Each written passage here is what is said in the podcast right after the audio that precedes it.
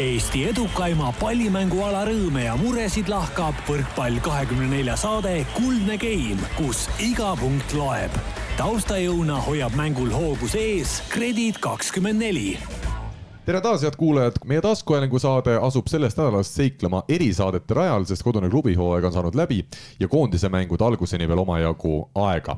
kui Lindpriid mõtisklesid oma laulus teemal, kuhu küll kõik lilled jäid ja mis on neist nüüd saanud, siis meie keskendume täna sellele, mis on Eesti esiliigast saanud. esiteks on Karin Aldol hea meel tutvustada Kodutänava stuudios meest, kellele meeldib naer, kellele meeldib armastus, kellele meeldib kõik see, mis meie sees on kaunist veel. tere taas, Mihkel Oibaleht. tere Meel, meeldib, olen nõus. just, ma arvan ka, et siin vastuväiteid ei tule, aga mõnele ei meeldi ausus, mõnele ei meeldi kuld, mõnele ei meeldi minevik ja mõnele kodune muld. aga järgmisele mehele meeldib kõik see ja rohkemgi veel. tere tulemast mängijale, kes projekteerib palliplatsil kauneid rünnakuid ning ehitab oma kaitsemänguga medalimägesid. on rõõm Rakvere võrkpalliklubi sidemängija Kaspar Pomerants. tere pankurid ei seedi vaeseid, vaestele ei meeldi võim, preestrile ei meeldi saatan ja saatanile võõras võim. aga meie viimasele tutvustatavale meeldib Viljandi, sest just see kant on tema hõim. tervitused Viljandi võrkpalliklubi peatreener ja võib ka öelda vist ikkagi tegevjuht Tauno Lipp. tervist. kõik on nõus oma, oma tekstiga, mis sinna juurde tuli, ei, ei pannud kuskilt kohe otsa mööda? jaa, Viljandi täitsa meeldib ja, ja, ja see läks küll täppi miks me täna esiliigast räägime, põhjus on väga lihtne, laupäeval algab Viljandis Eesti esiliiga finaalseeria, kus lähevad vastamisi põhiturniiri kaks tugevat meeskonda ehk just Rakvere ja Viljandi. mõlemal linnal on Eesti võrkpalliajaloos tähtis koht ning pole sugugi välistatud, et vähemalt avamängu Viljandis tuleb vaatama rohkem pealtvaatajaid, kui käis tänavu meistriliigas ühelgi play-off'i mängul. Tauno, kas see on eesmärk? ma vaatasin finaalseeria Äh, suurim publiku arv oli nelisada viisteist inimest Pärnus viimast äh, finaalmängu oli vaatamas. ja ega see otsene eesmärk nüüd ei ole, aga, aga garanteerida võib, et üle poolesaja inimese on täitsa kohal Viljandis, jah. üle poole tuhande? Sorry, üle poole tuhande, jah väga hea, Kaspar, äh, teil on Rakveres kangesti väike kodusaal, sinna vist pool tuhat päris ära ei mahu, aga aga kas on finaalseeria eel ka lootust, et tuleb teilgi selline tänavune publikurekord? Eks kindlasti ma arvan, et eh, tuleb meie mõistes ikkagi täismaja ja oleme selleks nii-öelda natuke ka valmistunud ja teinud juba ütleme uueks hooajaks eh, ettevalmistusi, et mahuks veel rohkem rahvast sinna saali, aga, aga et eh, metsamajand Rakvere rahuhall on meie sihuke karukoobas, et sealt me ära kolida ei taha, et no tegelikult äh, me hakkame siin täna loomulikult lähemalt ka Mihkel sellest kõigest rääkima, aga eks äh, põhjus, miks täna need kaks meest on siin ja põhjus, miks me esiliigast oleme valmis rääkima terve saate jagu, ongi just see, et me näeme, kui palju kohalikel inimestel on hakanud esiliiga tähtsamad mängud korda minema. Ja, ja lisaks sellele, et ega kui meistriliigas on neli võistkonda, siis on loogiline, et see võiks, võiks suureneda ja äh, kui Võru juba on teatanud, et, et nad ühinevad meistriliigaga, siis Viljandi ja Rakvere on seal ju varem olnud, meenub kohe sellised helged lapsepõlvemälestused. aasta ma pakun, oli üheksakümmend kaheksa, kui Viljandi mängis finaalis Tartuga. Tartu muidugi võitis, aga ma pakuks umbes, umbes täpselt, võib-olla keegi vanem kuulaja parandab, kui ma eksin, aga lihtsalt ma mäletan seda ma pakun, et see oli finaalseeria või see poolfinaalseeria, igal juhul siuksed legendaarsed mehed nagu Urmas Niitav ja Margus Niinemägi mängisid Viljandi eest ja. Sargo Arak ka mängis? tol hetkel ei mänginud, ma arvan, Aimar Arak võis mängida, aga, aga Argo võib-olla selles fina-, selles seerias ei mängi, äkki noh, ühesõnaga mingid siuksed ja noh, Rakverega ma arvan, meenuvad kõigile üheksakümnendat äkki ja kolm järjest võidetud kulda vist Rakvere rivaalil ja ikkagi tulevad meelde Laos Lukas ja Teet Viita ja Ivo Järval, et selles mõttes need on nii nagu äh, ajalooga kohad, et varem või hiljem nad võiksid ju tulla tagasi. Ja no mina kindlasti tahan saate käigus seda küsida ja ma arvan, et, et et mis, mis ambitsioon on? kohe ei küsi ja räägime kõigepealt praegusest esiliigast. muidu need meistriliiga,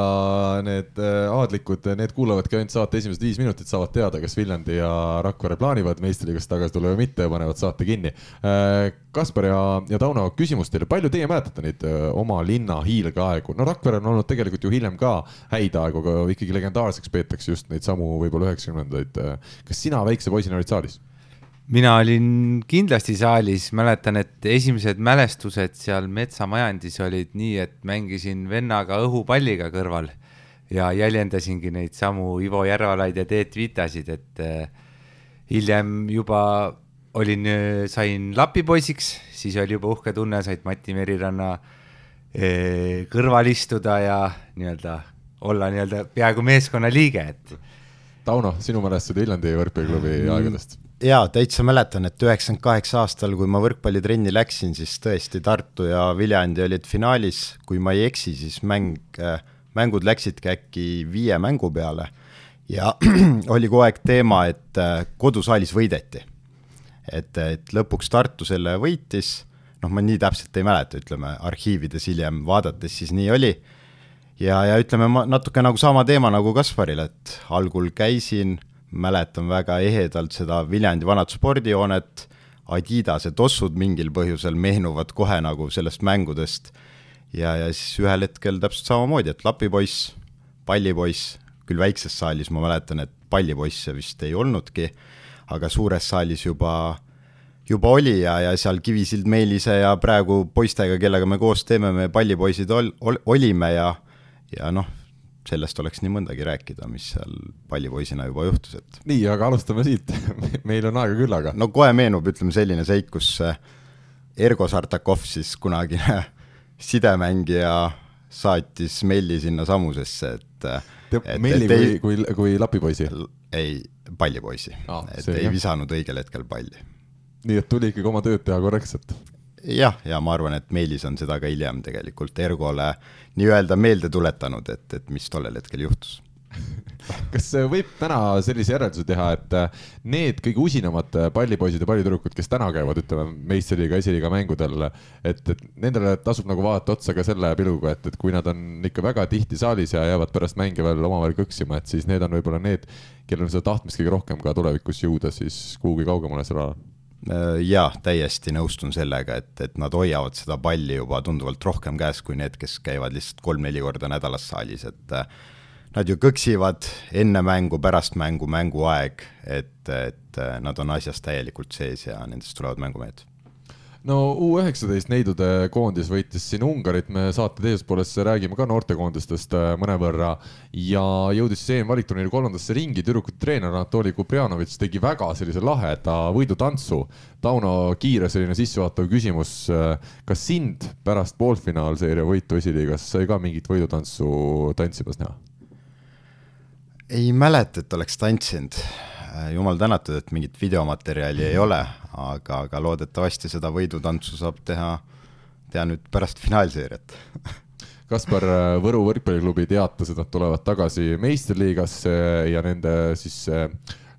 klubi juhiks saab Urmas Tali, kõva laulumees, harjunud laulma igas asendis, igal pool. kas sina kui võistkonna sidemängija, kellel peab ka olema eeldatavasti tugev hääl, oled ka mingil hetkel laulu, lauluhääled lasknud lahti kohtumiste ajal esiliigas?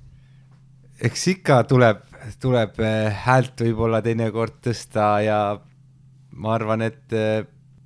nii ongi. nii ongi jah, just, et aga laulmiseks ei ole päris veel läinud, teil on kõige tähtsamad mängud veel ees ju ka, ega siin ei ole,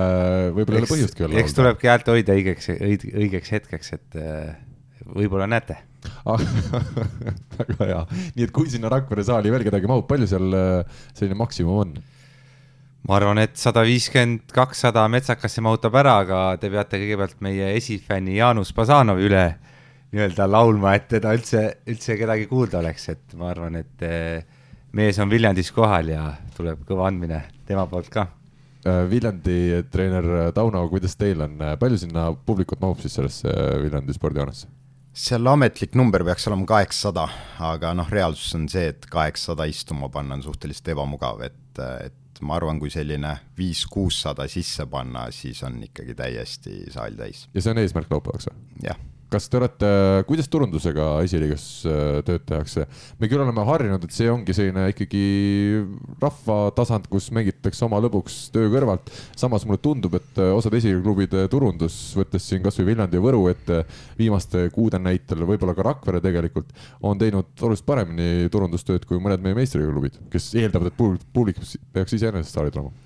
jah, meie teeme küll sellega kõvasti tööd tegelikult, et meil on niisugune neli-viis inimest, kes tegelevad, et publik saali jõuaks, me keskendume hästi palju maakoolidele, meil on isegi pandud käima bussid äh, maakoolidest, sest pühapäeviti, laupäeviti bussid nendel kellaaegadel enam ei sõida, et äh, õpilased, kes muidu saali ei tuleks, jõuaksid saali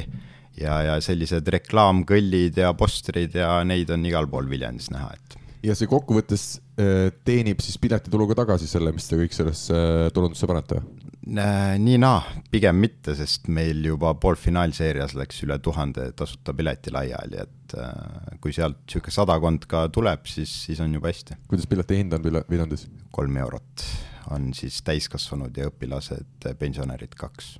kuidas äh, Rakveres need lood on, kas saali saab teil niisama? Meil saab niisama, meil siiamaani pole väga tunglemist olnud, et äh, istumiskoha ikka leiab. aga noh, ütleme, et ma arvan, et meie olemegi Viljandist ja Võrust selles turunduse mõttes ikkagi, ikkagi tagapool, et äh, teame ise, et see on võib-olla probleem, aga samas ei ole leidnud ka oma, oma võistkonna seast head inimest, kes sellega võib-olla tegeleks eks siin mõtteid on, aga,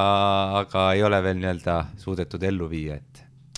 Mihkel, pööran hetkeks peaga ikkagi sinu juurde, meil on äh, esiliigas kaksteist võistkonda sel hooajal. me teame intriige küll ja veel, sellest ma arvan, äh, on kõik juba natukene teadlikud, äh, et on palju selliseid huvitavaid momente olnud nii mänguväljakutel kui ka sellest eemal. ja kaheteistkümnest võistkonnast siis jõudnud finaali täna saates olevat inimestega seotud siis klubid Rakvere ja Viljandi. kui sina nüüd vaatad kõrvalt seda meeste esiliigat, me teame, et sulle naiste madalamad liigad meeldivad väga ja ka kõrgliiga, siis äh, milliseid mõtteid ja, ja selliseid äh, ideid tekitab sinust tänavune esiliiga hooaeg meestel? kõigepealt ütlen, et sulle meeldib naiste esiliigast, ma saan aru, et sa käisid värskelt vaatamas äh, siis otsustavat mängu ja teist mängu, teist mängu, sa olid väga eks, ekstaasis sellest, et, et aga, aga ja ma, mina erinevalt sinust ei ole jõudnud äh, kahjuks, aga meeste esiliiga juurde tulles, et eks esimene küsimus on see, mida saates olijad saavad ilmselt äh, ka vastata ja arutada, et mis see tase on, sportlik tase, et äh, üks asi on see, et see on kohalikus kogukonnas tähtis ja see ongi tegelikult nagu põhiline, et lõpuks vahet pole, mis see tase on, kui minu linna võistkond mängib, siis ma lähen ja vaatan, ükskõik mis spordiala see on aga jah, et, et mis see, mis see tase on, et üks võrdlus meil on, kui Tallinna Ülikool mängis karikavõistlustel TalTechiga, et ega meil vist rohkem selliseid üks-ühele võrdlusi nagu ei, ei olegi tuua, et siis oli selgelt TalTech üle, et seal ei teki nagu kahtlust. aga mis on ka loogiline muidugi. teine asi on see, et et ikkagi see, siin on jah kaks asja, et üks on see taseme pool ja see on seotud selle potentsiaalse tõusuga nagu meistriliigas, et kas see võistkond on ehitatud nagu selle ümber, et tehakse noortetööd, mida mõlemas linnas ju ka tehakse, nii Rakveres kui Viljandis päris, päris korralikult ja on aastaid tehtud. Äh, et seda me saame võib-olla pärast veel, veel rääkida, et ma siin vaatasin ka mõningaid äh, endale omaselt mõningaid numbreid, aga et, et kas see, kas see eesmärk on nagu kasvatada või ütleme, olla siis sellele järelkasvule selliseks püramiidi tipuks, et, et väljundiks või siis pigem, et me pakume harrastajatele, võib-olla ka siukse teise ringi harrastajatele pakume äh, väljundit, et äh, siin, eks ilmselt see, see liiga on nagu piisavalt suur ja kuna meestes ei ole ju ka teist liigat, et siis edasi tulebki täiesti juba rahvaliiga, et siis need eesmärgid ilmselt ka võistkondadel on seal täiesti erinevad. meil on osad võistkonnad, kes on siis nii-öelda kõrgliiga duubelvõistkonnad või sisuliselt siuksed kasvatajaklubid ja siis osad on sellised, kes pakuvadki, ütleme endistele mängijatele mänguvõimalust ja kellel ei olegi noori, noh, Tallinna Ülikool näiteks on, on selline, kellel ei ole sellist ju noortetööd, et seal on käinud esindusvõistkond, samas noh, Viljandil ja Rakverel on see, on see püramiid all, et et selle üle oleks võib-olla huvitav diskuteerida ja, ja siis, kui me võib-olla jõuame selle juurde, et sellest meistriliigast ka rääkida, et, et just, et äh, kuidas oleks võimalik ka finantseerida seda meistriliiga võistkonda, et seal on nagu äh, ütleme, vaadates natuke, üritades seda vaadata natuke teise nurga alt, siis äh, nii Viljandis kui Rakveres on mõlemas äh, väga heal tasemel kutseline teater, mida valdavalt äh, finantseeritakse riigieelarvest, et kui ma õigesti mäletan suurusjärgu mõttes Ehm, umbes kaks koma midagi miljonit on näiteks Rakvere teater äh, iga aasta saamas riigilt toetust. Äh, ja ise ta teenib seal noh, ma ei tea, kas alla miljoni või midagi sellist, sinnakanti, sõltub ilmselt aastast, sõltub ka vaadates koroona aastat või mitte koroona aastat. Viljandis suhteliselt sama, et Viljandis teatri palgal oli mingisugune suurusjärk kaheksakümmend inimest ja ka pool umbes või natuke üle poole tuli siis riigi tulu või riigi sellist toetust ja ülejäänud siis teeniti ise sellega. et kui ma nüüd mõtlen, et, ähm, et kas Viljandile on vaja professionaalset teatrit või Rakverele, et siis nagu kahtlemata on, see on tore, see pakubki kohalikule kohalikule siis, kohalikele inimestele nagu võimalust käia etendusi vaatamas, harida, tekitab ka siukest täiendavaid töökohti sinna. nüüd sama küsimus, et kas on nendel linnadel vaja kohalikul tasemel ähm,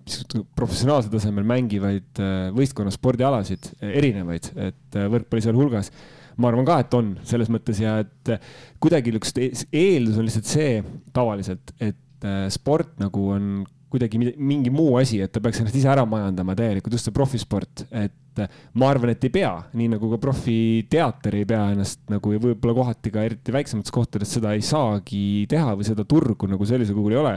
kui sa tahad nagu mängida esiliigas või ka ütleme meistriliiga tagumises pooles ja mitte professionaalselt, siis on seda kindlasti võimalik teha suhteliselt madala eelarvega. aga küsimus on, et mis on see ambitsioon ja mis ka nendel linnadel nagu kohapeal vaja on, et. no aga lähme nende küsimuste juurde. et, et see, see on nagu, noh, mul on lihtsalt südamel see pool, et, et nagu ähm, et minu meelest on täiesti okei okay,, kui omavalitsus või ka riik investeerib sellesse, et meil oleksid näiteks profispordiliigad, mitte ainult võrkpallis, vaid ka teistel aladel, lihtsalt võrkpall on praegu nagu näide, just see väike linn, et noh, võtaski siin Tauno Äh, või, või, või Rakvere näite, noh, ütleme, Tauno ilmselt on rohkem sellega võib-olla ütleme turunduspoole ja sellega nagu ka, ka tegeleb võib-olla müügipoolega. aga, aga et noh, et mis on need võimalused üldse tekitada seda tulu, mingi piirini jah, aga ühest hetkest alates sa ikkagi vajad, kas siis noh, ma ei tea, omavalitsuse tuge või mõne haridusasutusega koostööd või, või midagi sellist, et saada nagu noh, ütleme Tallinna näitel TalTech või või siis, kui ma ei tea, Tallinna Ülikool mitmetel rinnetel on nagu saamas selle tuge, Tartus ka tegelikult on ju, Tartul on Tartu Ülikooliga mingi side tänu sellele, ilmselt neil naiskonnal on võimalik eh, noh, kasutada saale seal ja nii edasi, aga lihtsalt, et kus see, ühesõnaga avalik, et mina ei pelgaks nagu diskussiooni teemal, et nii-öelda avalik raha võiks toetada eh, jõulisemalt ka, ka võistkonnaalasid. no aga esimene küsimus, palju toetab omavalitsus täna Viljandi esiliiga meeskonda? Konkreetselt esiliiga tegevustoetust kui sellist äh, ei ole Viljandi võistkonnal. oskad sa öelda, miks ka? seal on erinevaid põhjuseid, äh, üks võib-olla põhipõhjus on see, et äh, Viljandis mingil hetkel on sisse toodud toetustel selline punkt, et juriidiline keha peab olema vähemasti kolm aastat vana ja Viljandis me klubi tegevust alustasime natuke rohkem kui kaks aastat tagasi, et, et see on selline põhipunkt aga, aga ega see tegevustoetus just omavalitsuse poolt, see on Viljandis äh, nadi, olenemata, on see meistriliiga või esiliiga võistkonnad. see on mingi paarkümmend tuhat aastas või? ei, see on fikseeritud, äh, ma isegi ütleks naljanumbrina kuus tuhat midagi. et kui me võtame siin tegelikult ka kohe jalgpalli näite Viljandi või Viljandi tulevik, siis tegelikult äh, see oli üks äh, suuri põhjuseid, miks äh, Viljandi tulevik ju tegelikult äh, esiliigasse maandus, sest omavalitsuse tuge kui sellist ei ole piisavalt sa mainisid, see on esiliiga või siis nii-öelda, eks ole, täiskasvanute võistkond, kas see tähendab, et noortel on see toetus parem Viljandil? on erinevad projektitoetused, et kõik sellised eriprojektid lahterduvad siis projektitoetuste alla. kuidas Rakveres lood on võrkpallimeeskonna toetusega omavalitsuse poolt? Meie oleme Rakvere linna esindusmeeskond, et eh, meil on seal korvpall, meil on seal jalgpalliklubi Tarvas, ehk siis nende, nende vahel see jagatakse ära ja minu teada korvpall sai sellest nii-öelda potist kõige suurema osa see aasta. ja aga meile on see üldse märgiline, on see toetuse summa, et, et eelarved ju ei ole midagi märkimisväärselt suured et kindlasti nõks allapoole äkki saame omavalitsusest, mis meil hooajaks nii-öelda. kui suur see summa on siis? ma arvan, et ta jääbki äkki sinna sarnane, mis Tauno ütles, äkki kuus tuhat kuni, ma täpselt numbreid ei tea, aga alla kümne tuhande igal juhul. ühesõnaga, ma saan aru, et teil siis orienteeruvalt kümme tuhat kuskil natukene peale on Rakverel hooaja eelarve, eelarve? eelarve on veidi suurem, aga kulutame nii-öelda vähem. ahaa, teil on tulevikuplaanid ei, kas just tulevikuplaanid, aga nii-öelda tuleb eh, tuttavaid ja sponsoreid hoida enda juures, et siis, eh, et kui neid vahele jätta aasta-kaks, siis võib-olla ununevadki ära ja ma, ma küsin, ma küsingi selles mõttes, et selle oma esimese küsimuse poole pealt, et, et kommenteerige võib-olla natuke seda, et mis see tase seal esiliigas on et.... oota, aga võtame küsimuse nii. lõpuni. Äh, Tauno, mis teil klubi eelarve on sel hooajal? meie klubi eelarve suurusjärk kolmkümmend tuhat. nii, aga lähme nüüd taseme juurde, et, et kuidas te hindate seda taset, kui suured need käärid on näiteks meistriliigaga ja kas esiliiga võrreldes siin viimase, ma ei tea, paari aasta kontekstis on tase sama, tõusnud, langenud? Äh, ma, ma võtaks selle enda peale, ütleme, ma ei tea, mis seal minevikus küll täpselt toimus, aga aga võib-olla jah, see teema, et äh, siin Karl on öelnud, et Rahvaliiga, esiliiga võrdub Rahvaliiga, et, et päris sellega ma nõusse ei jää ja, ja põhjendan kohe ka ära, et miks see tegelikult nii on, et et äh, ma ise treenin Rahvaliiga võistkonda, ma treenin esiliiga võistkonda, ma näen, kui suur vahe tegelikult äh, seal on. et esiliigas ongi, on erinevad võistkonnad, on nii-öelda sõprusvõistkonnad, kus ongi endised väga head mängumehed, kellel piisabki taset hoida, ma ei tea, paar korda nädalas treeninguga ja nende tase ongi täpselt see, nagu on. ja, ja see on piisav, et võib-olla siin loputada just äh, noori kutte küll aga on siin ju meil võistkondi, on need siis Audentesed või Tartud, nemad treenivad ju täpselt samamoodi nagu kas või naiste meistriliiga tüdrukud Audenteses, et teevadki kaks korda päevas treening, trenni ja ja see, et nad äh, ei suuda võita võib-olla neid sõprusvõistkondi, noh, see on iseasi. aga, aga samamoodi, kui ma võtan siin näiteks Viljandi näite, äh, noh, meil on selline kaheksa, üheksa, kümme meest, kes keerutavad äh, stabiilselt väljakul ja, ja nad treenivadki paar trenni nädalas palli, üke peale seal üks-kaks korda pluss mängud, tegelikult see koormus on äh, võrdlemisi okei. Okay.. ja see, mis meil seal treeningutel käib, et see on ikkagi töömeeleolu meie treeningutel ja väljaspool trenni, et äh, mängijad mõtlevad, mida nad söövad, kuidas nad söövad, äh, meil on olemas üldfüüsilise treener, meil on olemas massöör, et me hoiame sellist professionaalset taset ja ma tean, et noh, Rakverel kas või üketreener on täitsa olemas, tehakse pärast mingit pallitrenni seal üket, et et on kindlasti selliseid võistkondi, kes on sõprusvõistkonnad, aga on sellised võistkonnad, kes treenivad väga tugevalt, et sama on selline noorte teema, et, et kui sul on noored, kes treenivad esiliigas, ilmselgelt see pole noorte jaoks piisav, sest nad ei saa mängupraktikat, aga peab arvestama seda, et need, kui nad ei ole esiliiga trennis, siis nad treenivad ju oma noortega. ehk siis nende treeningtunnid tulevad väga hästi täis, see on lihtsalt neile suur eelis et nad saavad äh, treenida meestega ja, ja see kajastub ka väljaku peal. et äh, ja taseme juurde võib-olla tulles, siis äh, ma julgen väita, et esiliiga tase on viimastel aastatel tõusnud, ma ei tea, võib-olla Kaspar teab veits paremini, sest tal on, ta on veits kauem olnud selles teemas sees, aga kui sa vaatad kas või seda, et näiteks Maaülikool, kas Maaülikool mitte ei ole olnud siin viimased aastad suhteliselt sama võistkond, nagu ta on praegu. Nad on kokku mänginud, neil on samad mehed, aga alati on nad kuskil seal finaalis või medali peal, kus iganes, aga tänasel päeval neid nelja hulgas ei ole. ja juba eelmisel hooajal tegelikult nad lõpetasid ju esimese ringi, kui ma ei eksi, neljanda-viiendana, et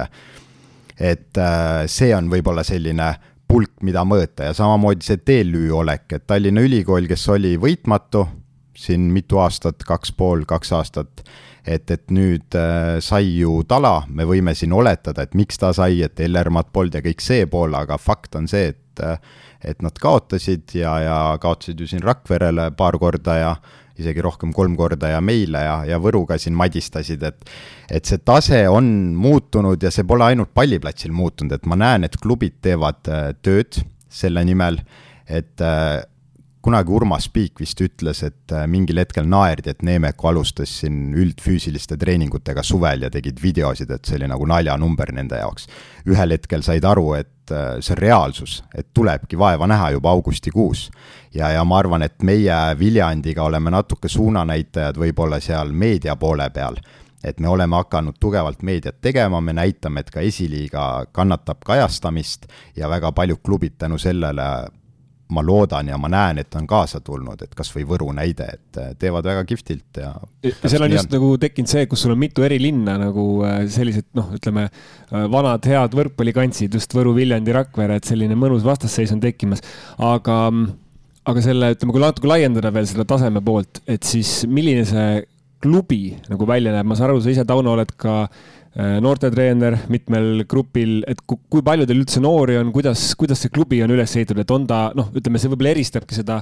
seda ütleme teid äh, mõnest teisest, et, et ilmselt Maaülikooli me saame nimetada või Tallinna Ülikooli me saame nimetada võistkonnaks, mitte klubiks, et, et Viljandit me saame nimetada klubiks, et palju teil on äh, noori ja palju teil inimesi nii-öelda peale sinu veel, veel tegemas on? jah, klubi kaks pool aastat tagasi sai sellega alustatud ja, ja eesmärk oligi äh, mitte teha siin endiseid meistriliiga klubisid, et meil on võrkpalli puhul natuke palju näiteid, et kuidas mitte teha, et panna pea paika, panna kogu fookus sellele peale ja, ja unustada ära täielikult see vundament, et äh, meie eesmärk äh, klubina oli see, et äh, ennekõike noored panna põhjast paika, me ei unusta harrastusvõrkpallureid, mis puudutab siis erinevaid rahvaliiga võistkondi, aga samamoodi ka erinevad niisugused üritused, mis toovadki selle rahva sinna kokku. et äh, see kõik on pikaajaline protsess ja, ja meie eesmärk ongi teha see vundament sealt alt tugevaks, enne kui me istutame selle pea sinna ülesse. sest äh, see nõuab aega, kuna ma ise olen inimesena ikkagi võrdlemisi kärsitu, siis ma tahaks asju kõik kiiresti aga, aga ma ei taha teha seda, mida, mida on siin varasemalt tehtud, et mm. -hmm. aga palju neid klubisid on siis esiliigas? Tauno tõi siin selle näite, et nemad teevadki trenni ikkagi korralikult, neil on ka nii-öelda laiem mõtlemine selles suunas, kuidas paremaks sportlaseks saada, mitte lihtsalt hoida oma taset või kuidagi ära kannatada. kas Kaspar Rakveres on samuti ikkagi nii, et sa ütleksid, et te teete päris tõsiselt seda spordiasja või see on selline ikkagi õhtune vaba ja tegevus ja ajaviide, kus ei ole selget eesmärki nüüd saada palju paremaks? kindlasti teeme väga tõsiselt, aga tulles siia taseme juurde korraks tagasi, mina mängisin viis aastat tagasi esiliiga finaalis Rakvere võistkonnaga, siis oli Rakvere võrkpalliklubi, Rakvere võrkpalliklubi kaks ta nimi. ja mängisime Maaülikooliga, kaotasime kolm-kaks ja kolm-null aga noh, võrrelda otseselt ei saa, aga kui ma võrdleks tänast võistkonda ja seda viie aasta tagust võistkonda siis viisteist punkti lagi, mis saaks tolleaegne võistkond. see ei ole absoluutselt võrreldav, see mängustiil, mängu ülesehitus, see nii-öelda klubiline taust võib-olla, kuidas need inimesed selle nagu hingavad põhimõtteliselt seal trennis seda kõike, seda võrk, Rakvere võrkpalliklubi nii-öelda, et see me trennis pingutame, me kõik tahavad nagu, me ei tule kokku lihtsalt, et täna on trenn ja teeme trenni ära vaid me tuleme trenni, et saada paremaks, meil on trennis mingi eesmärk, meil on mingid erinevad võib-olla valdkonnad, kus me tahame ennast arendada. me, okei okay,, me toitumispoolt, seda meil ju ei ole, aga üldfüüsiline pool, kõik ikkagi, kõik ikka keskenduvad ja mõtlevad ikkagi, et kuidas, kuidas olla selles oma asjas nii-öelda parim, et aga kas see võib tulla siis sellest, see ütleme, esiliiga üleüldine taseme ja, ja ka tegevuse tõsiduse kasv, et meil on meistriliigas jäänudki alles neli võistkonda, et viis aastat tagasi, kui me vaatame, meil oli Rakvere juures, Saaremaa juures, Võru oli mingil hetkel juures, Järvamaa, et lihtsalt ütleme, kuna meistriliigas ongi jäänud klubisid vähemaks, siis on see loomulik asjade käik, et esiliigas on natuke tõsisemaks läinud. Või te seda seost siin ei peaks nii oluliseks?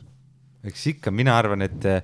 klubis on vähem mängijad eh, tulevad meistriliigast esiliigasse. samas eh, ütleme niimoodi, et eh, kui vaadata meie tuumikut, siis kõik enamus, ütleme põhikoosseisust on meistriliigas mänginud. Nad on selle nii-öelda lõhna ära nuusutanud, nad teavad, kuidas seal on. nüüd on tekkinud pered, tööd ja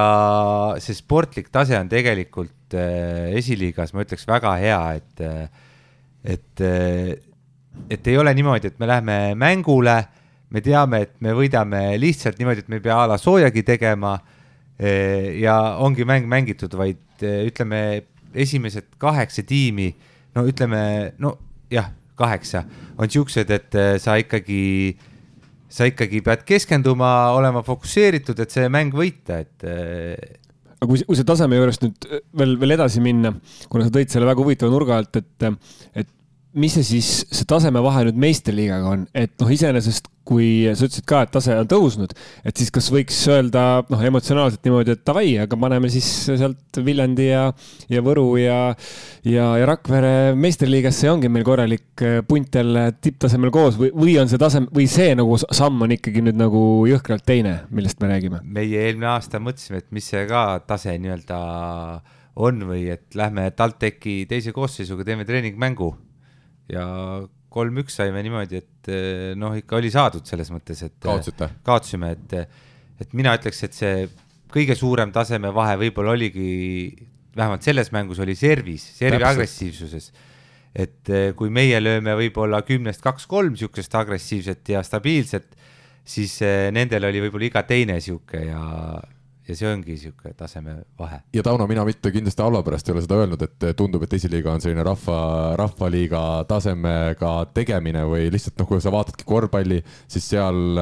kui sa treenid kaks korda koos nädalas võistkondadega, see ongi rahvaliiga tase jalgpallis. kaks korda nädalas treenivad, ma ei tea, kas see on teine liiga kuskil või, esiliiga, esiliiga B, seal on ikka igapäevased trennid koos, et, et see, see arvamus ka kujunes sellest välja, et kui me vaatasime Tallinna Ülikooli sügisel tundus tuntud nimed, mina arvasin, et TalTechiga, et noh, see võib minna mänguks, eriti Tallinna Ülikooli selles madalas, madala laega saalis, aga tõesti, nagu Kaspar tõi välja, see servi vahe on lihtsalt täiesti meeletult äh, erinevad. täna need neli meistriklubi tuleb ikkagi ilmselt anda ka aru, on ikkagi üsna kvaliteetsed, vähemalt Eesti mõistes. et mingitel aegadel kindlasti on ka meistriliigas mänginud oluliselt nõrgemaid võistkondi. et äh, praegusel hetkel need neli võistkonda on sellised, et need esiliiga võistkonnad, kes teevad küll justkui tõsiselt trenni ja, ja asjalikult, siis see mängu kvaliteet lihtsalt ei küündi sinna, et meistriklubidele vastu saada. kas sa oled nõus sellega? jaa, täiesti nõus, seal on see tasemevahe on olemas, et äh, meie ju mängisime sellel aastal ka karikamängu Selveriga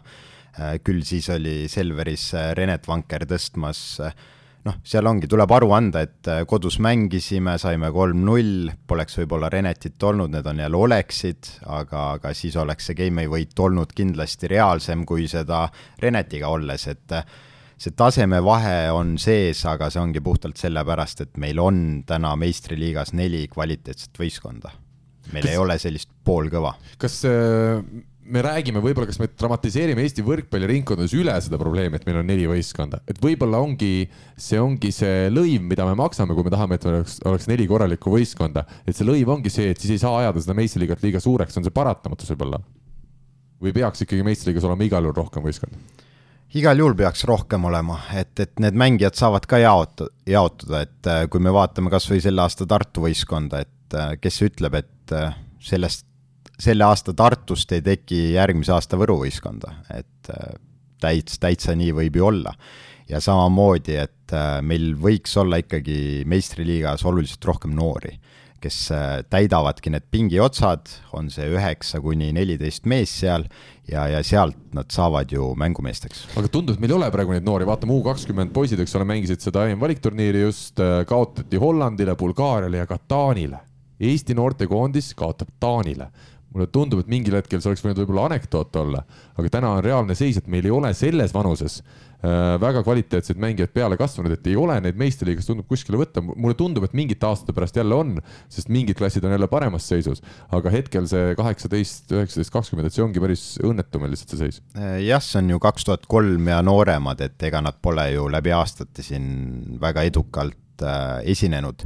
aga selle eest kaks tuhat viis ja nooremad kutid, kes tegelikult esindavad ka ju Audentest praegu esiliigas, et seal ma ütleks küll, et on nii mõnigi väga pädev kutt, kes võiks tegelikult meistriliigas juba mängida.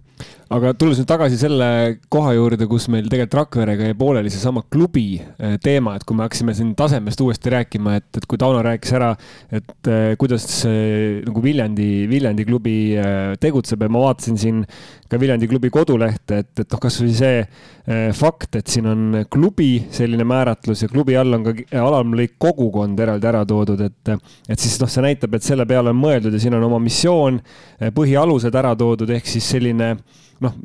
ütleme, kinnitab Tauno sõnu, et on mõeldud hoolimata sellest kärsitusest saavutada nüüd ja kohe edu, on natukene kaks sammu edasi mõeldud, noh, teil on ka oma naiskond ja see ei ole, me ei räägi sellest naiskonnast, kes mängib meistriliigas Viljandi eest ja pluss siis oma noored, et kuidas, kuidas Rakveres sellega on, et jällegi äh, igavest aega igavesti on sealt tulnud äh, väga häid noori ja, ja see noh, harrastatavus on seal päris korralik olnud, ma just vaatasin Lääne-Virumaal üldse äh, oli vist kolmsada kakskümmend üheksa võrkpalli harrastavat inimest praegu, seal on siis noored ja täiskasvanud koos ja kusjuures äh, kümme aastat tagasi oli see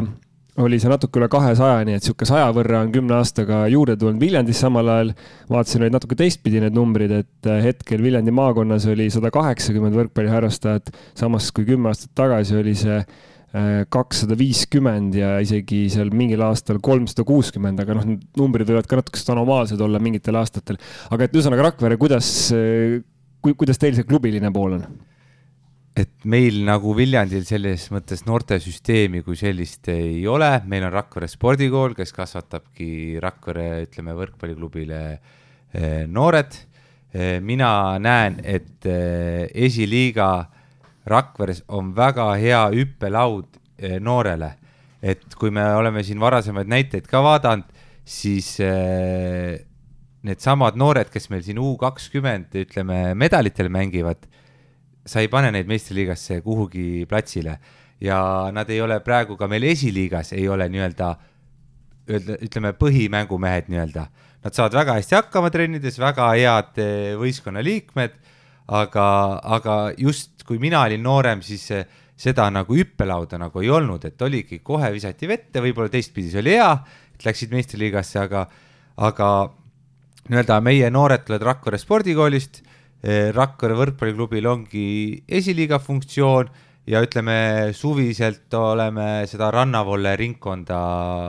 nii-öelda kasvatanud, et eh, no rannavolle on teil üldse eraldiseisev selline nähtus, ma ütleksin, see, kuidas rannavolle äh, Äh, mängijaid on teil suviti, väljakud on vist kõik täis seal ilusatel suveõhtutel, et. Äh, no keeruline on seal jah, teinekord platsile saada, et öö, äh, oleme siin spordikeskuselt küsinud, et äkki saaks jälle veel ühe väljaku kuhugi otsa ära üles panna, et. palju hetkel väljakuid on seal? hetkel on meil viis on Rakvere spordikeskuse ümber, et aga küsides nüüd siis konkreetsemalt, äh, ma ikkagi olen sihuke ka kärsitu nagu Tauno selle koha pealt, et kui Võru, kes äh, ei jõudnud finaali esiliigas, hakkab järgmine aasta mängima meistriliigat, siis kas, kas teil emmal-kummal võistkonnal on ka sellised plaanid või? Esmalt mul on Võru üle ääretult hea meel ja, ja ma natu-, natuke arvan see, et see Võru esiliiga projekt ja meistriliiga projekt on natuke nagu erinevad asjad seal, et esiliiga juhivad seal ikkagi teised inimesed ja meistriliiga nüüd eh, teadaolevalt Urmas hakkab, eh,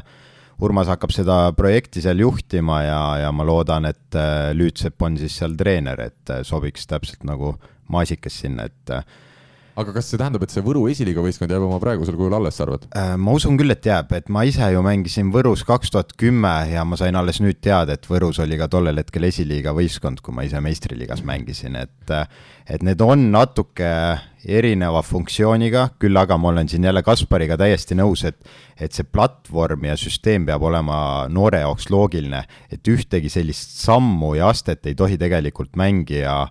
minu hinnangul vahele jätta et sa tuled noortega mängima, siis sul ongi esiliiga ja siis sa lähed meeste, meeste hulka, et sa pead tunnetama igat seda, seda taset. ja, ja siinkohal ongi, et isegi äh, ütleme Mihklile vastata siin, et äh, meistriliigasse ma veel ei vasta, aga, aga kui sul on meistriliiga võistkond, ega esiliiga ei tohi ära kaduda. ilmselgelt Viljandi esiliiga läheks nõrgemaks, nad ei mängi enam tipus, aga see ei tohi kuhugi kaduda, see peab jääma noortele sinna platvormiks, et äh, neljateist, viieteist, kuueteistaastaselt nii-öelda astuda see vahesamm sinna. aga kas on üldse vaja seda sinna meistriliigasse trügida, mina olen ka justkui selle idee pooldaja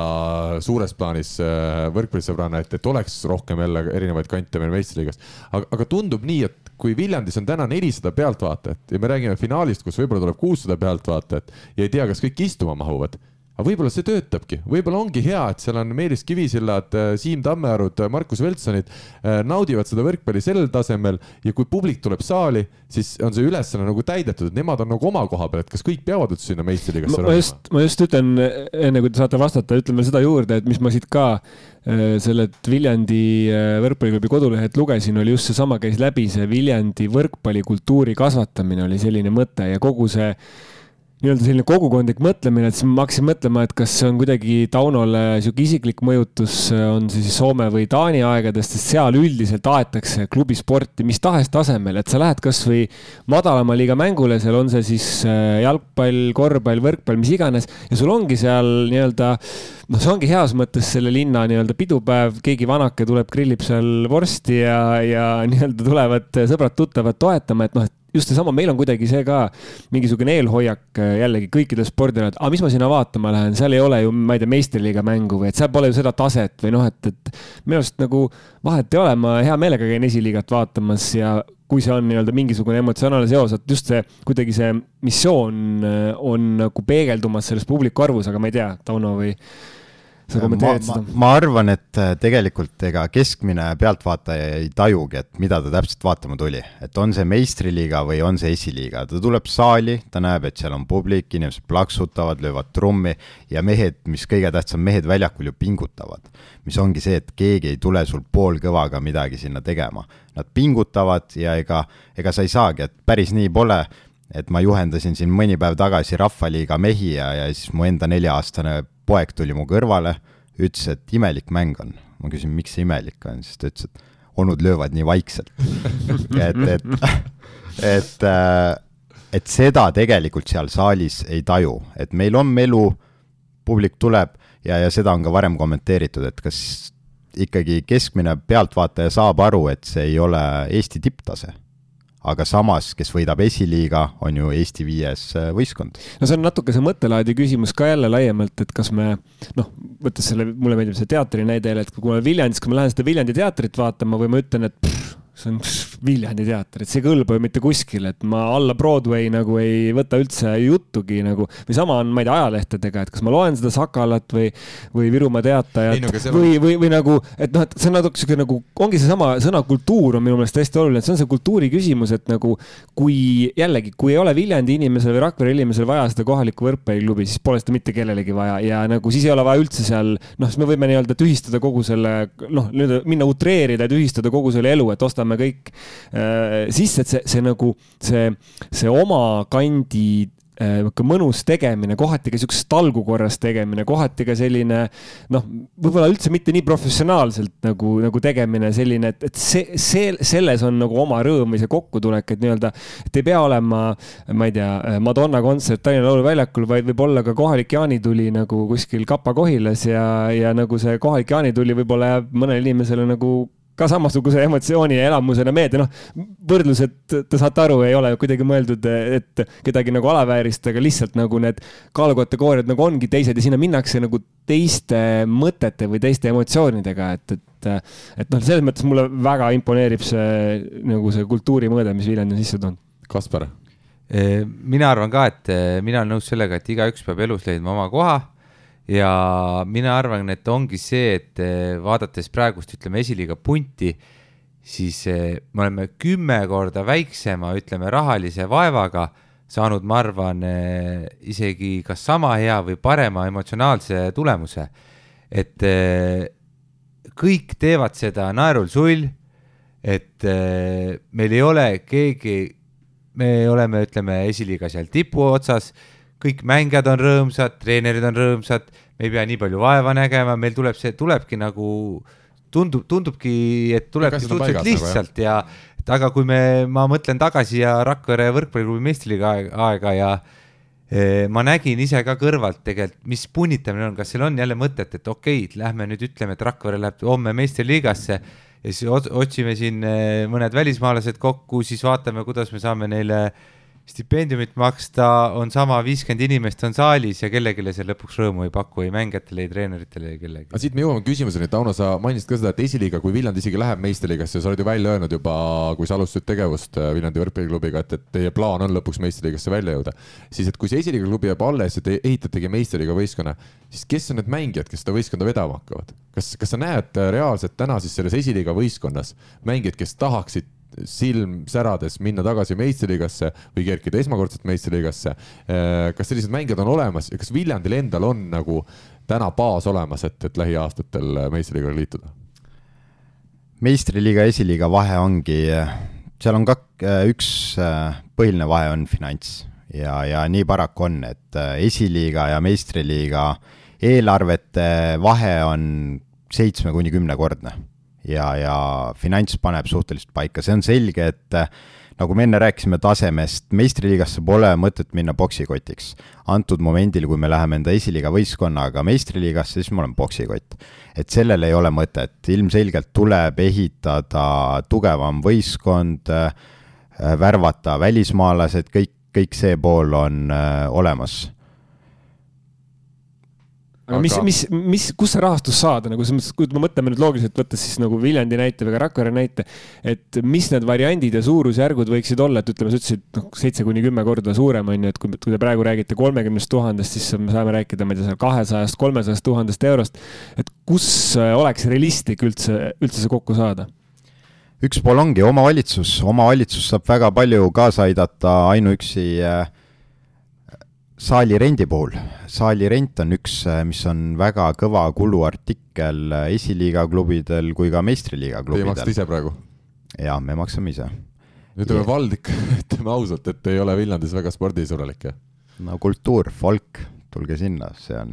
see on, see on lahe. aga, aga ei ole, aga proovime seda, seda seal muuta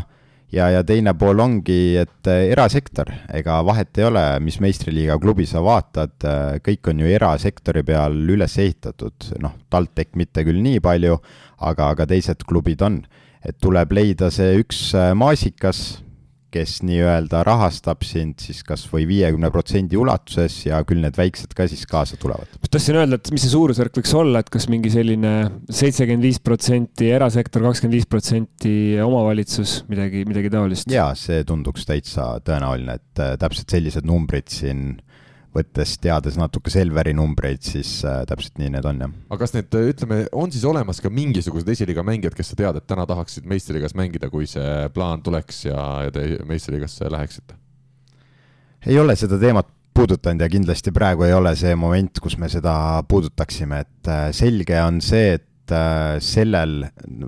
järgmisel hooajal äh, Viljandi meistriliigasse ei lähe, me oleks ammu selle välja hõikanud, sest äh, võistkonnad äh, komplekteerivad juba praegu ennast järgmiseks hooajaks, rääkimata finantsi poole pealt.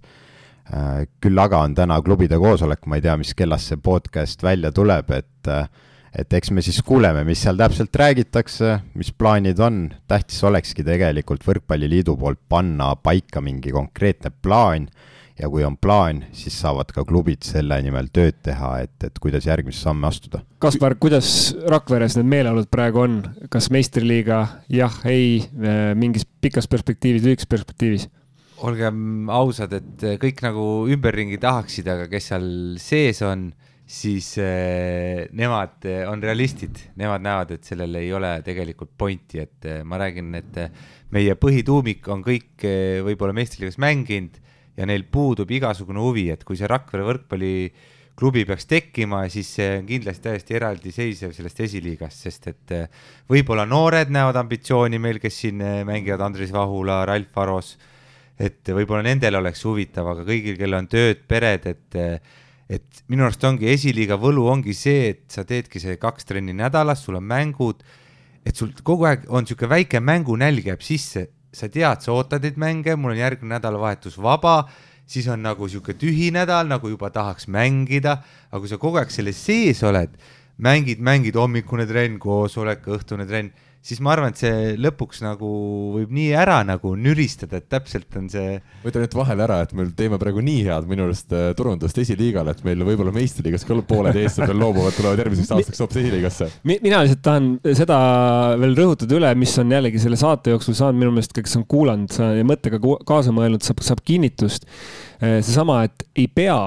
kui sa teed äh, võrkpalliklubi, sul ei pea olema sihti tulla ilmtingimata Eesti meistriks, et äh, see siht võib olla ka ol, äh, nii-öelda olla heal tasemel harrastusklubi, heal tasemel kasvatajaklubi, mis iganes, et neid nagu erinevaid rolle on nagu vaja, et lihtsalt tihtipeale kuidagi see võib-olla häälestus on ka see, et noh teed võistkonna, et noh, siis peab olema eesmärk ka meistriliigast tõusta, et ei pea ja inimesed on rahul sellega, et nad mängivad esiliigat, mis ongi väga okei okay ja väga sümpaatne ja nagu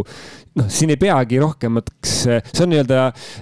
selle nii-öelda, sul ongi nagu kaks eraldi taset mingis mõttes, et kes meistriliigas tahab, ta peab eh, saama suurema eelarve, ta peab hakkama hoopis teistel alustel mängima, noh, seesama Võru, Võru näide, millega Tauno tõi, oli nagu hea, et, et ega see esiliiga nagu ära tõenäoliselt sealt ei kao ja ta, ta mängib teistel alustel, nii et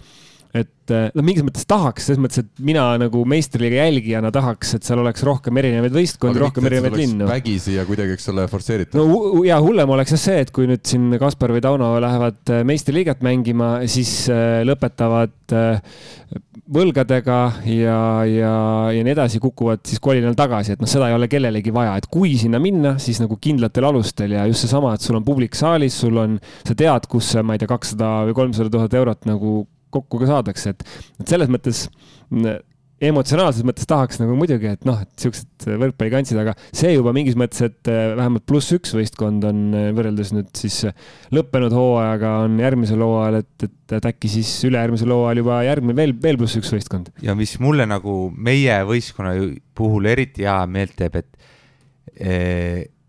väl-, kõik mängijad, välja arvatud üks mängija pluss treenerid, kõik on Rakvere spordikooli ka lõpetanud, et eh, kõik on sealt pärit, ongi nagu. kes see üks lurjus on, kes teil ei ole? Alar Ploom Tudust oh,. et yes. kas seda kuidagi välja ei saa ajada? ta korra käis ära, aga tuli tagasi, et lükkasime välja. kuidas Viljandis on nende omadega, palju teil on oma mehi äh, Viljandi esiliiga võistkonnas? või palju on siis võõraid? Meil on seos täitsa olemas, välja arvatud Veltsonil on kõigil äh, mingisugune seos, et äh, kelle naise vanaema elab Viljandis või kelle naine on pärit Viljandist, et äh, seosed on täitsa olemas, aga aga võib-olla eelmise teema juurde tagasi natuke tulles, siis ongi see, et et Viljandi võistkonna eesmärk on tõusta ühel hetkel meistriliigasse, see ei toimu nüüd poole aasta pärast, aga loodetavasti see toimub ühel hetkel aga me annamegi aru, et kõigepealt on finants vaja kokku saada, et mitte teha sellist poolikut lahendust. et äh, kui me võtamegi kaks pool, kolm aastat tagasi, kui ma Viljandisse läksin, siis poiste võrkpall ja meeste võrkpall, noh, tegelikult seda ei olnud. et seitse erikasvus poissi, kellega ma koos alustasin seal selle teemaga, siis neid ma olen kasvatanud ja sinna kõrvale poisse kogu aeg võtnud ja kõik need mehed ongi tegelikult äh, kuskilt leitud, et see on iseenesest loogiline, et meil ei ole, ei ole viimase kümne aasta jooksul tulnud selliseid poisse Viljandist, kes äh, saakski antud momendil esiliigat äh, mängida, sest sealt ei ole välja kasvanud. palju on teie klubides täna inimesi, kes saavad oma siis selle tegevuse eest raha mingisugust, ma näen Rakveres vist neid on mõni üksik, kui, kui sedagi või? Ma nüüd äh, jään vastuse võlgu, aga no sina miljonites ei mina suppa. ei saa kindlasti, ükski mängija ei saa, ükski treener ei saa. treenerid ka mitte, jah? Äh, ei, et äh, pigem on see kõik täiesti vabatahtlik, et kõik on nii-öelda fanatid, et. Viljandis, kuidas on? ei, ei saa keegi, ei saa staff'i liikmed ega ei saa ka mängijad palka, et küll kütus on kompenseeritud, mingid sellised jooksvad kulud ja ja Kivisilt saab siin Vadaku pulbrit tasuta, et, et, et talle sellest piisab? talle sellest piisab, et naljaga pooleks, et kui Tartus sai ikkagi palga eest mängitud, siis nüüd mängib Vadaku pulbri eest. aga no Kaspari ja Rakvere puhul me saame aru, neil ongi teised tööd kõigil meestel igapäevaselt, aga sina oledki ju, Tauno, sina oledki Viljandi võrkpalliga tegev täna, kuidas siis leiva lauale saad? Jaa, teema ei ole esindusmeeskonnaga seotud, et kõik äh, leib tuleb lauale klubi muudest tegevustest, on see siis ürituste korraldamised ja, ja harrastajate treenimised ja noorte treenimised loomulikult. kordate äh, üritusi ka või? jaa, meil on suvel täitsa rannavolle üritused olemas aa, selles suhtes, ma mõtlesin, et te olete mingeid äh,, nagu ütles Madonna lauluväljaku. ei, siin on eraldi kirjas, on kodulehel üritused rubriik seal on Viljandi meistrivõistlused saalivõrkpallis, rannavõrkpallis, siis on karikavõistlused, siis on folgivolle, jõuluturniir ja Kuulbet suvevolle, siuksed asjad, et et kõik on ilusti kirjas siin, väga hea koduleht on ja ma vaatasin ka muidugi neid galeriisid eh, poolfinaalist Võruga, mis oli Facebookis, et Ehm, sponsorlipud maja ees, auto maskott on väljas, et nagu noh, sa näed, et sul mängu korraldatakse, et mina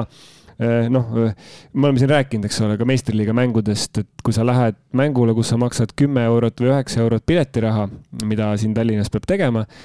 mille vastu mul midagi põhimõtteliselt ei ole. lihtsalt, kui ma võrdlen, mida ma kolme euro eest Viljandis saan, siin on mingid batuudid lastele, äh, ma näen, siin on mingid loosimängud. äh, ma eeldan, et Maskoti, on. jah, ma eeldan, et mingi teadvustus on, et äh, ma loodan, et on ka mingi toitlustuse peale mõeldud, et selles mõttes need on asjad, mida ma meistriliigas ei näe, et no ma Pärnu kodumängudel ei ole käinud, aga nii ei Tartus äh, Tartus võib-olla jah, mingitel mängudel seal on toitlustus ikkagi olnud, seal ülikooli kohvik nagu toimib, aga ei, ei TTÜ-s ega ka Sõles ma ei ole küll näinud näiteks, et toitlustus oleks. aga mina saan klubidelt vastu päid ja jalgu, et miks ma jälle kritiseerin saates seda, kui kehvasti on kodumängud korraldatud siin Pärnul, Selveril, Tartul. Öelge siis teie Tauno, sina teed esiliigas neid asju, kas ma olen kriitiline liiga, kas ma, ma ei saa mingitest asjadest aru või on, või on seal mingisugused selged murekohad sees, et Eesti meistriliigas ei, ei ole sellist korraldust kodu, korralikku korraldust äh, kodumängudel? Äh, see on täitsa nii ja naa, kindlasti ongi, et millal, millal korraldatakse, et meie mõte Viljandis korraldada igat mängu, olenemata, kas me mängime seal tagaotsa klubide vastu või esiotsa klubide vastu, täpselt samamoodi et me ei taha kuskil järeleandmisi teha, et alates sellest, et meil on Mehis Merilaine äh, juhib mängu, kommenteerib, meil ongi olemas, äh, nüüd finaalis on tekkinud siin jah, batuudid, et aga muidu on meie kodumängu piletihind kaks eurot ja noh, ma võin öelda, et selle kahe euroga sa ei kata tegelikult neid kulutusi ära. kui nüüd tagasi tulla selle juurde, et äh, et kuidas mänge korraldatakse, noh, väga keeruline on seda kommenteerida, et kindlasti Tallinnas on seda natuke keerulisem teha, olen ka omast käest näinud, aga samas, kui võtta näiteks Selver, eh, kes see siis korraldab Selveri kodumänge, et kui ma pärast mängu näen, et mängijad tassivad neid plakateid ja, ja võtavad võrke maha ja tegelevad kõik selle olmepoolega, ma ei näe ühtegi inimest, kes nii-öelda seda protsessi juhiks ja, ja siis on ilmselgelt see korralduspool ka natuke poolik. aga peaksid midagi muud teistmoodi tegema või sina näed, et see on paratamatus? ei, see ei ole paratamatus, minu arust, mida tegi jalgpall, võeti ju ühel hetkel äkki kolm-neli aastat tagasi kogukonnajuhid, kui ma ei eksi, et. no nüüd need klubid kohe ütlevad, et ega Eesti võrkpallis ei ole sellist raha, et võtta liidu kaudu kogukonnajuhte mina esindan nüüd seda poolt, kes ma, kus ma ise ei ole, aga, aga ma tean, et klubid ütlevad seda, et igal pool on raha puudu, ei olegi võimalik paremini teha. no see oleks kindlasti ideaalne, et kogukonna juhi palkab sul siis äh, võrkpalliliit, see oleks ideaalne ja ma arvan, mitte ükski klubi ei oleks selle vastu. No ja seal on küsimus nagu selles, et äh, kui sa tahad kasvada, sa pead investeerima. Ja noh, loomulikult see investeering ei saa tulla kuskilt Äh, noh, õhust, on ju. et pigem on küsimus selles, et kui liigal on toetaja või toetajad, et siis selle raha saab ju investeerida näiteks kogukonnajuhtide kaudu tagasi ja see ei pea olema ju ainult alaliit, et ka jalka näitel, et seal oli siis kolmandik tuli äh, Euroopast ehk UEFA toetus, kolmandik oli äh, jalgpalliliit ja kolmandik oli klubi, et see oli nagu see palgaraha ja ma ütle, ma ei ütle, et ma saan aru, et võrkpallis Euroopa või maailma alaliit ei toeta niimoodi, aga äkki see kolmandik õnnestub saada kuskilt, ma ei tea, europrojektist, äkki õnnestub saada seda kohalikult omavalitsuselt, sest et kohalik omavalitsus võiks olla siin väga vabalt üks nagu kaasfinantseeriv partner. et lihtsalt ja loomulikult see töökoht võiks ju olla ka rahaliselt tasuv, ehk siis tegelikult kui see inimene käivitub, tema töö läheb käima, ta toob piletirahast tagasi ja ta ei tee, ütleme noh, loomulikult seal on asjad, mis võib-olla noh, ma ütleks valdavas osas tehakse ikkagi siukses partnertehinguid, mis aitavad seda noh, kodumängu siis atmosfääri parandada ja lõpuks ta ostetud piletite arvu pealt nagu tuleb midagigi tagasi ja ka, ka toetajate see, ütleme, see, mida sa saad toetajatele ka näidata, see emotsioon saalis või noh, kas see täistribüün või, või tühitribüün on ju, mis, mis, mis sa, mida sa eksponeerid, on ju, seal on see küsimus ja et see ongi täpselt investeerimine, et äh, toongi kohe näite, et kuna meil finaalides või noh, siin poolfinaalis oli juba laste batuut, siis tegelikult hetkel planeerime osta klubile järgmiseks hooajaks batuuti, mis ongi kolm tuhat eurot, kuna see rent mänguks on sada eurot, siis tegelikult kahe hooajaga äh, katame, ole, oleme nullis ja meil on iga kodumäng on batuut saalis. ja nagu näha oli, siis tegelikult lapsi pidi piirama, noh, see on loogiline no,. Mihklis peaks piirama, ma arvan, et oleks ka läinud sinna esialgu ja siis alles mängu jälgima. aga on nii, Mihkel? See on vist kaalupiirang, me ei, me ei pääse peale äkki. kuidas sellega on, et kust edasi minna, kui te räägite, et teil ongi hetkel plaan järgmine hooaeg igal juhul mängida esiliigas, mis on need arengukohad, kus te näete ise, et saab veel paremaks minna? Tauno puhul ma eeldan, et on üks asi vist võikski olla ülekanne mingisugune korralikum, et, et äh, äkki tehagi esiliiga parematest mängudest iga hooaeg, iga voor näiteks üks mäng, ma ei tea nüüd, palju see on, eks ole, klubi, palju see on alaliidu otsustada, aga, aga mingisugused esiliiga tippmängud, ma eeldan juba täna tänu sellele, et see liiga on nii palju huvitavamaks läinud, võiks pakkuda ka laiemale üldsusele huvi. Äh, jah, noh, praegu kuni finaalini pidi neid ülekandeid natuke kehvemini tegema, et Rakvere jälgib siin usinasti neid ülekandeid ja meil ei ole mingit videopanka, kus saaks nii-öelda neid vaadata, et Rakvere ise kiiruga laeb video ülesse ja kustutab väga kiiresti, et, et. kas see ongi nii või et see tuleb kiirelt, tuleb kiirelt kätte saada ja, ja ütleme noh, nali naljaks, loomulikult ega tuleb äh, sellele poolele mõelda. küll hooaja sees, kus rahvast niikuinii pole väga palju, võib-olla inimene muutub natuke mugavaks, küll aga praegu ma arvan, see publiku arv, kui meil oleks korralik ülekanne, siis publiku arv ei muutuks jah mina mõtlen, et seda võiks teha ikkagi võrkpall kakskümmend neli koostöös eh, esiliiga klubidega võiks hakata näitama neid mänge uuel hooajal. finaali koha pealt on see täitsa välja pakutud, aga Karlil on jah, praegu muude asjadega nii palju tegemist, et ja kui on hea toetaja meil, kes täna leiab meile kaheks esiliiga finaalmänguks, on vist kahe võiduni kehv või? Ja nii, et äh, kui leiab tuhat eurot ja on kohe olemas ja, ja tahab suurelt oma nime kuskile peale saada, siis äh, see oleks küll täpselt õige, õige hetk, kui ühendust võtta. no arvestades, vaata, sa peadki need kontaktid hulga sinna välja käima, et kui ikkagi saalis on juba siin viissada, kuussada inimest, nagu Tauno lubab, et tuleb ja mis on ka realistlik tõenäoliselt, siis äh, vaatajad sinna juurde ja, ja milles küsimus. aga no kuidas siin ütleme, areneda saab, et see esiliiga ise saab veel areneda, et siin on äh, see süsteem on olnud ju nii palju, kui mina olen siin viies aasta mänginud, on kogu aeg samasugune olnud, et eh, esiliigale saab ka ju lisada nii-öelda väikse karika juurde, on siin käinud läbi Final Four mõtteid, et ongi. kas Sams... alaliit on natuke passiivne, võime öelda selle koha pealt siis või? ei ole uusi ideid nagu väga välja pakutud? Ei, siin on pakutud äh, küll mõtteid, aga pole vist äh, sellega väga kaasa mindud, et äh,. niipidi hoopis, jah? et Rakvere võrkpalliklubi on, ma tean, edastanud oma ideed ja mõtted alaliidule, aga, aga eks seda on kuulda võetud ja arvestatud ja. siin on selles küsimus, et äh,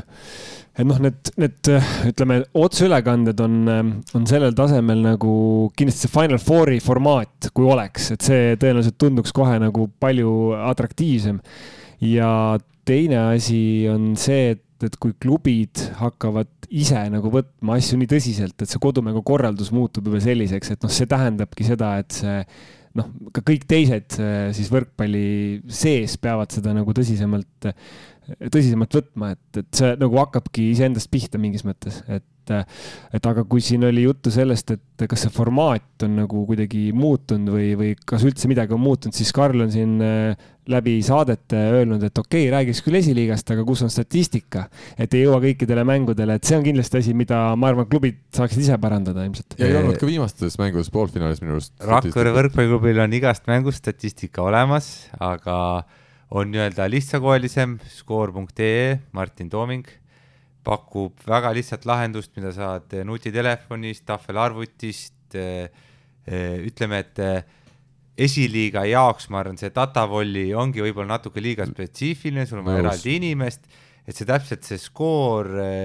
lahendus on, ma arvan, et väga lihtne, sul on varumees, kes, keegi läheb platsile, annab sulle tahvli edasi, keegi teine treener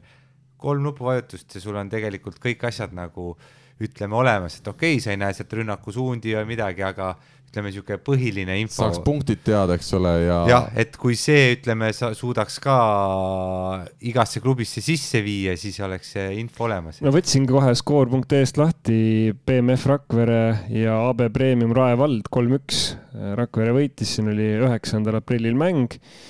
ja Kaspar Pomerants üks punkt on plokipunkt on tulnud, nii et äh, saime, saime kohe teada tõe, aga Kaarel Pomerants viisteist punkti ja pluss kümme. võistkonna kapten ikkagi. ja, ja siin veel Harri, Harri Palmar neliteist punkti pluss kümme, nii et vot, näed, on statistika isegi.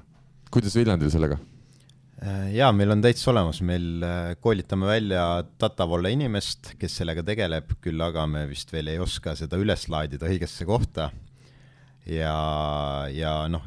siin, siin ongi, see on jälle kuluartikkel kõigile, et skoor.ee, nagu me kuulsime, see oleks lihtne lahendus, klubil ei oleks mingisugust kulutust,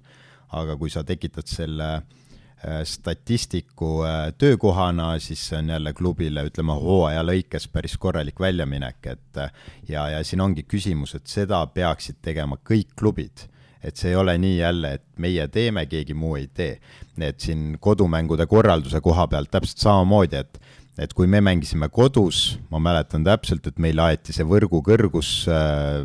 pidi olema sentimeetri täpsusega seal, ja siis läksime nädal aega hiljem mängima siia Harjumaale ja mängisime esimese game'i kolm senti madalama võrguga keskelt, et noh, millest me siis räägime, et et alustaks nagu lihtsatest asjadest, et sul on kas või muusika, et oleks sooja vähe põnevam teha, on ju, sul on kohtunikud tulevad õigel ajal saali, mitte ei hiline. sellised element-, elementaarsed. mäng juba käib ja siis peakohtunik tuleb tšau, ma jäin veits sillast ära. päris nii hull ei ole olnud, aga noh, näha on, et tullakse saali, vähe sahmitakse midagi seal ja, ja see ongi see, et et kui sa tuled meie, meie saali, siis sul ongi võib-olla natuke niisugune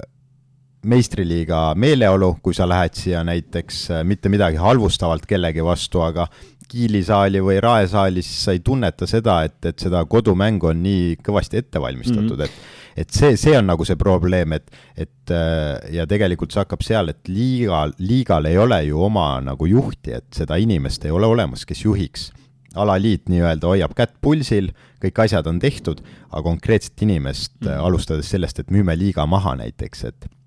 äkki on mingi toetaja, kes oleks tänasel päeval huvitatud äh, liiga ostust. Ja ma arvan, seda saaks äh, suhteliselt äh, soodsate vahenditega osta ja, ja suunata kogu see raha puhtalt klubidele, et alustame sellest, et teil on näiteks statistika olemas või tehke kodumänge natuke paremini. siin, siin ongi hea küsida nagu teiselt poolt, noh, pannes ennast nii-öelda alaliidu rolli, olles ise selles,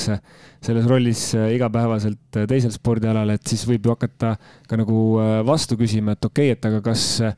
sellisel siis mitteprofessionaalsel tasemel mängivat liigat äh, on vaja äh, nii palju manageerida või sinna nii-öelda sekkuda või selliseid nõudmisi panna, et on ju ka klubisid, kes võib-olla nende nõudmiste peale ütleksid, sorry, see ei ole nagu meie tase, et võib-olla siit, et see on nagu üks pool ja võib-olla teine pool siit küsimusest ongi see, et võib-olla on, on aeg hoopis komplekteerida esiliiga järel teine liiga, mis siis oleks kus siis võiksid võib-olla tulla sellised satsid, kes võib-olla ei pürgi siis sinna, noh, ma ütlen meistriliiga suunas ja võib-olla olekski nagu lihtsam neil mängida, et võib-olla saaks Rahvaliigast mingi, ma ei tea, neli-viis-kuus paremat võistkonda näiteks sinna teise liigasse hoopis meelitada. Noh, ma arvan ikkagi, et äh, nime väljamüümine, et kui ma ei eksi, siis Rahvaliigal on ka ju ühel hetkel olnud Kredit kakskümmend neli peatoetaja, et see võiks olla toetajale küllaltki atraktiivne liiga mida maha müüa, et loomulikult alaliidul, ma tean, olen ise alaliidus toimetanud, seal ei ole lihtne, sul on kümme ülesannet, äh, võib-olla isegi siis, kui sa ei ole, tööta seal täiskohaga, et et äh, siin ei ole mitte midagi etteheitvat kellelegi, aga probleem ongi selles, et äkki leidub mingisugune inimene, kes oleks huvitatud esiliigat müüma, see võib tulla ka esiliiga sees, see võib olla ka mingisugune klubi, kes tahabki selle juhtimise enda kanda võtta, et äh, ma julgen väita, et sellised inimesed võivad täitsa olemas olla mida teha nüüd, et äh, me selle statistika järgmiseks suveks saaks, kas keegi teeb ettepaneku Võrkpalliliidule või, või leiame siin ühisaruteluga, et see skoor äh, võiks olla täna see lahendus, samas ma saan aru, Tauno tahab teha tõsisemalt asja, et, et minu kui ajakirjaniku või, või, või ütleme, võrkpalliajakirjaniku küsimus on ikkagi see, et, et hea meelega kajastaks neid, sest seal on nii palju ägedaid vende esiliigas täna mängib. aga no mitte midagi ei ole teha, kui ainuke asi, mis ma saan teada, on lõpptulemus, siis no keeruline, keeruline sealt midagi ehitama hakata. eks ma arvan, et ongi esimene lahendus ongi, et need esiliiga äh, võistkonnad peaksid kokku istuma ja kõigil on kindlasti häid ideid, kuidas seda asja ühtselt teha, et et ei ole nii, et üks teeb ühtemoodi, teen teistpidi, aga võib-olla leiakski mingi ühise joone ja mingi ühisosa, et kuidas seda kõike, kõike ja ma arvan, et Martin Tooming on kindlasti väga, väga nõus aitama ja vastu tulema, et Tauno mainis, et täna on äh, liiga koosolek, mis see endast kujutab, küsib siis inimene, kes ei tea sellest midagi see peaks siis olema meistriliiga klubide koosolek äh, või eeldatavate klubide koosolek, et äh, teadaolevalt siin olete ka varem rääkinud ja Alar Rikberg on maininud, et selline koosolek on olemas olnud, äh, nüüd esmakordselt ka Viljandi on sinna kutsutud. ja Rakvere ka. ja, ja selleks, selleks ma Tallinnas olen. see on siis nagu, ma ei tea, aastas korra, kas, kas see on nüüd aastas niisugune ainus kord, kus te alaliiduga nii-öelda ametlikult laua taha istute või neid formaate on veel kuidagi? Äh, minu jaoks on see esimene kord, jah. esimene kord siis selle kolme aasta jooksul, kui sa oled klubi teinud, ütleme sellises äh, formaadis mm? -hmm. mis, mis te teete seal, kui te teate, et te ei lähe meistriliigasse järgmine hooaeg? Mina ei lähegi sinna, et ma saadan teised esindajad. Ma arvan, et seal vaadataksegi ikkagi pikemat tulevikku, et pole mõtet vaadata järgmist hooaega, räägitaksegi, et äh, mida saab paremaks teha, mis toimuma hakkab kahe-kolme aasta pärast. Ja ma arvan, et see on ka esimene kord, kus tahetakse nii-öelda klubide arvamust, et et mis teie mõtted üldse nagu on, et äh, ei ole ju saladus, et meil ei ole neid nii-öelda tungijaid meistriliigasse väga palju ja, ja antud momendil koondataksegi kõik äh, ühise laua taha kokku, et mm et, et ma arvan, see on esmane eesmärk. nojah, jalkas on meil niimoodi, et äh, meil on iga-aastaselt siis kevadel on dialoogkohtumised nii premium-liiga, esiliiga, esiliiga B kui ka naiste meistriliiga klubidega. ja siis sügiseti on veel individuaalsed kohtumised sinna otsa, ehk siis, kus siis iga klubiga ka individuaalselt kohtutakse, eks minimaalselt on nii-öelda kaks korda iga klubi aasta jooksul siis laua taga just needsamad küsimused, et, et mis on see klubi perspektiiv, eelarve eh, ja kõik muud asjad, et selles mõttes kindlasti väga oluline formaat, et nii-öelda teada seda järgmist sammu, et noh, sest see ilmselt see neli võistkonda ja noh, ütleme, siin on ju ka äh, ei ole ka sealt neljast kõik olnud niimoodi väga kindlad äh, kindlatel alustel siin mingitel hetkedel, et on, on nagu väikseid võbelemisi olnud, et see kindlasti noh, paneb ju vaatama sinna ja eriti kui, kui ka esiliigas on, kelle poole vaadata, et see on, see on hea. kuulge, aga viis klubi on meil teada järgmiseks hooajaks, eeldusel, et äh, senistest ka keegi ei loobu. Te olete asjas sees, kas tuleb ka kuues klubi ikkagi, hoolimata sellest, et Viljandi ja Rakvere järgmine aasta meistriliigas ei mängi? mina ei usu, aga noh, ma ei tea no jah, ega Võru tuli ka, ma arvan, nii mõnelegi üllatusena tegelikult, et äh, kuulujutud olid, et midagi sellist äh, juhtub, aga enne, kui seda nii-öelda avalikku postitust ei olnud, siis, äh, siis ma südamest lootsin ja, ja õnneks see nii ka läks. kuigi see Rae valla jutt on siin ka läbi käinud, aga pole rohkem infot küll peame otse, otsekontaktidelt vist äh, küsima. üks teema veel, sotsiaalmeedia. kui tähtis on täna esiliiga klubidel teie jaoks see kõik, mis toimub äh, arvutis?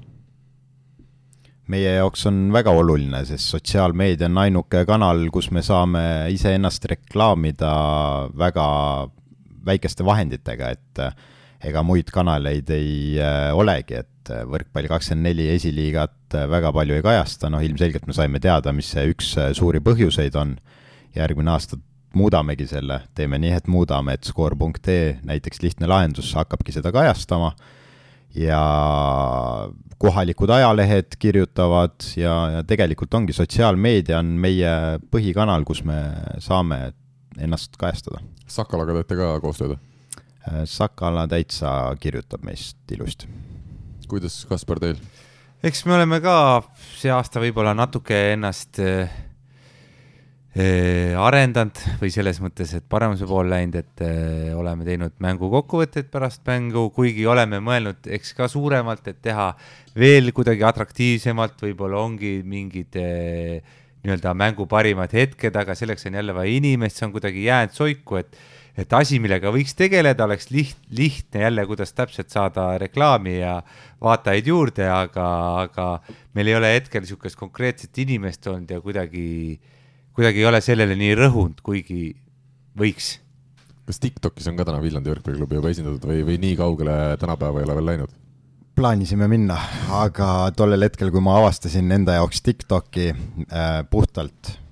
klubi eesmärkidel, mitte isiklikel eesmärkidel, et aru saada, mis seal üldse toimub. tegelikult põhjus väga lihtne, et aru saada, mida teevad tänapäeva noored ja, ja näha, et tegelikult klubina oleks Tiktokis väga hea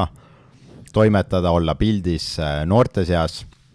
aga see vajab ikka konkreetse lähenemisega inimest, kes seda teemat jagab, sest muidu võib see kukkuda väga kohatult välja, et et, et ma ei unustaks võib-olla. ennemuist on teil ju, te see aa, enne, enne, jaa, jaa, ennemuist. ennemuist on Tiktoki staar või? ennemuist äh, laksib ikka väga kõvasti, jah et.... tõsiselt ka või? ma käin temaga trennis, ta kordagi ei ole maininud, ma pean nüüd siis liituma ka selle platvormiga. jaa, et ta Tiktoki ta teeb ja ja, ja see on jah. see on mingi temporündajate asi, mida Henri Treial ka teeb. See... Henri, Henri ka täitsa äkki teeb. ennekas sealt nägigi. see ongi see aeg, kui tuleks äh, vastu võtta ja üldmängu arendada, on need tempomehed siis kas Tiktoki tegemas tänapäeval? Ja, ja üks asi siia vahele, et ma ei unustaks, sest mul on mitu korda juba täna meelest ära läinud, et, et äh, kodumängul, mis meil on, et kui keegi tahab viissada eurot rikkamaks saada, siis äh, meil tuleb servimäng, meil saavad õnnelikud servima, servivad palli, pallikorvi ja jalutavad viiesaja euroga minema, et siin lihtsalt Kaspari jutu jätkuks, kus ta siin rääkis, et äh, nii-öelda uued arengud ja uued mõtted, et Tauno, kes sul veel Viljandis klubi juures abiks on, et sa ise teed päris palju, ma kujutan ette, aga sul peab olema ka mingisugune hulk abilisi jaa, abilised on täitsa olemas, et äh, meil on äh, manager olemas, kes toimetab, meil on eraldi kodumängude korraldaja, meil on fotograaf ja kogu see sotsiaalmeedia juht, kes äh, möllab, siis meil on noortega, tegeleb ka eraldi, see kommunikeerib noori ja, ja siis meil on niisugune hunt Kriimsilm, kes masseerib ja teeb üket ja vajadusel, no vahet ei ole kõik, et kõik said mu meelest nimetatud, et need inimesed on olemas ja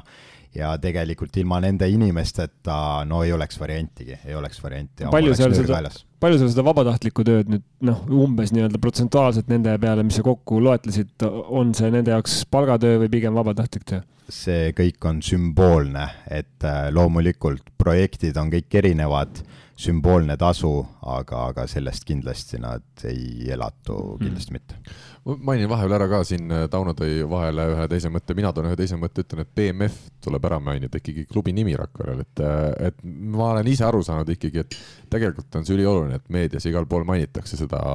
peatoetajat. ja mitte BFM, eks ole, ärme ajame segamini. BFM nagu Mihkel täna sisse tulles tahtis korraks arvata. nii et äh, jah Teil on, teil on peatoetaja olemas? meil on peatoetaja olemas ja on juba äkki neljandat hooaega meie taga, et me oleme väga tänulikud neile. miks äh, toetab teid selline ettevõte? ma arvan sellepärast, et ta enda kolm töötajat, vähemasti isegi neli äh, mängivad selles klubis. kes need neli õnnelikku on? Kaspar ja Kaarel Pomerants, Andrei Lepik ja Mihkel Siim no siis tundub, et on kindlatel jalgadel see toetus. loodame, et jah, koostöö jätkub. ja BMF tegeleb meil millega, kui veel mõni kuulaja ei tea, mina juba tean. võrkpalli toetamisega, esmajärgus Anna-Olle toetamisega, aga hobi korras teeb ka siis metsa väljaveo tõstukeid ja kärrusid. okei okay,, eks väga spetsiifiline valdkond nii-öelda jah. kas Viljandil võiks olla järgmine hooaeg ka peatoetaja äh,? ei ole, aga meil on toetaja, kes ütles, et ostab nimitoetaja koha välja eesmärgil, et nimeks jääb Viljandi võrkpalliklubi. kas sa tahad seda ka välja tuua, kes see on? ta palus, et mitte teha. vot sellised toetajad ka. mulle sellised toetajad väga meeldivad, igal juhul, kes iganes see on, kiidan väga, sest minu meelest sellel äh, nimel on äh, väga suur nagu selle, eriti see nime järjepidevusel, et on väga suur nagu tähendus, et mida kauem ta, ma arvan, mida noh, ka puhtpraktiliselt, mida kauem ta on ilma sponsornimeta, seda väärtuslikum see, see kõik on ja seda kuidagi see lugu on see, see, seda rohkem seda lugu saab jutustada, et äh, sponsorid äh, võivad ka vahetuda, et siin õnneks on äh, näha ka meistriliigas ju pikaaegseid toetajaid, Selver ja Bigbank, aga aga jah, nii nagu on Pärnu võrkpalliklubi, miks mitte ka Viljandi võrkpalliklubi meistriliigas kunagi. kuule, aga räägime esiliigast laiemalt veel korra. järgmine hooaeg, okei okay,, Võru läheb kõrgliigasse, ma saan aru, et vähemalt teie arusaamist mööda see esiliiga klubi jääb ka alles, mis oleks väga äge ja vajalik ja tore. Neemeko loobub, on, on praegune info tulnud, et äh, võistkond, kes on, ütleme, ajanud just nagu me ka siin saates täna oleme rääkinud, natuke nagu tõsisemaks seda esiliiga tegemist, nemad ilmselt loobuvad. Tallinna Ülikoolis ma tean palju neid, kelle jaoks saalihooaeg jääb viimaseks äh, tänavune. kas järgmine aasta esiliiga ikka tuleb nii äge hooaeg nagu sel hooajal? eks sealt äh, Neemekost ju on, jääb mängijaid üle ka, et äh, kindlasti teevad kedagi teist tugevamaks ja ma ei usu, et mängijad kõik siis nii-öelda loobuvad. esiliigasse uusi tulijaid ei ole tulemas, seda keegi ei tea? hetkel ei ole kuulnud jah, ei, minu jaoks oli see info Neemeko ja TLÜ asjus oli nagu esmakordne, et, et ei teadnud, et see nii on. Äh, loodetavasti tõesti lihtsalt tekib äh, nende mängijate najal mingisugune uus võistkond ja, ja ikkagi sama palju, kas kaksteist klubi või? aidake, et, et isegi ei ole nii, nii täpselt kursis, et kuigi ise mängime, et kaksteist klubi, see on päris hea portsarv, äh, korralikult mänge ja, ja. no Saaremaa oli ka veel, kui tuleb tagasi ja, ja. ja, ja et Saaremaa võib-olla tuleb tagasi ja, ja, ja loodetavasti ikkagi niisugune kaksteist klubi jätkab. Hiiumaa võiks ka mingi hetk tulla, aga ma ei tea, palju seal on muidugi täiskasvanuid äh, selliseid harrastajaid, kes võib-olla esiliiga taset ka välja kannataks, ma tean nüüd korralik spordisaal ja, ja ka võrkpalli nagu vähemalt noorte seas tundub väljaspoolt vaadates arendatakse päris kõvasti äh, võtame ette nüüd selle esiliiga finaali. esiteks kõige lihtsam küsimus, enne kui me läheme mängijate juurde. kumb on täna parem sidemängija, kas Kaspar Pomerants või Tauno Lipp? Kaspar saab vastata hetkel on kindlasti Kaspar Pomerants, sest Tauno ei tõsta hetkel. nii, Tauno no. Jah, ega, ega ei oska hinnata selle koha pealt, äh, mis siin salata, sellel aastal olen ühe mängu mänginud, äh, aga ega tegelikult trenne ega midagi sellist pole ju nüüd äh, kaks-kolm aastat teinud, et nii palju, kui ma palli puudutan trennis ise olles, vahepeal tõesti võib-olla mingit kohta täites, ennekõike seal mingit harrastustreeningutel, noortetreeningutel, siis loomulikult see mänguline pool on ära kukkunud, aga noh, mingi tunnetus ikkagi ju säilib, et, et äh, Kaspar on ju tegelikult loomu, loomupäraselt on libero üldse ja vist isegi rohkem olnud siin noorena nurgas kui side või võib-olla eksin? eks jah, ainus vist, mis pole mängitud, on temporündaja, et äh, et kõik noorteklassid olen nurgaründaja olnud, sealt edasi liberoks ja siis kuidagi teine esiliiga hooaeg äh, jäi niimoodi, et siin on virvarr olnud sidemängijatega meil, et siis mõtlesin, et ah, äkki proovin ise, et mis seal. ja tundub, et tuleb välja küll, ma olen väga palju kuulnud kõrvalt, et kiidetakse ai, seda ma ei oska nii öelda, et eh, kas ta välja tuleb, aga praegu on vähemalt, võistkond on edukal. jah, võib-olla kiituseks nii palju, et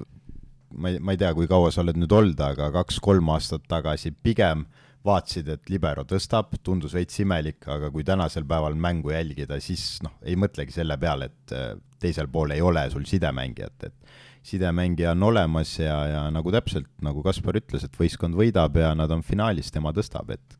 et äh, küll on teine sidemängija olemas, aga Kaspar ikkagi kannab ju olulist rolli. eks seal võib-olla, et miks võib-olla mina seda mängin, ongi võib-olla see üldmängu pool rohkem kui minu sidemängija oskused, ma arvan, et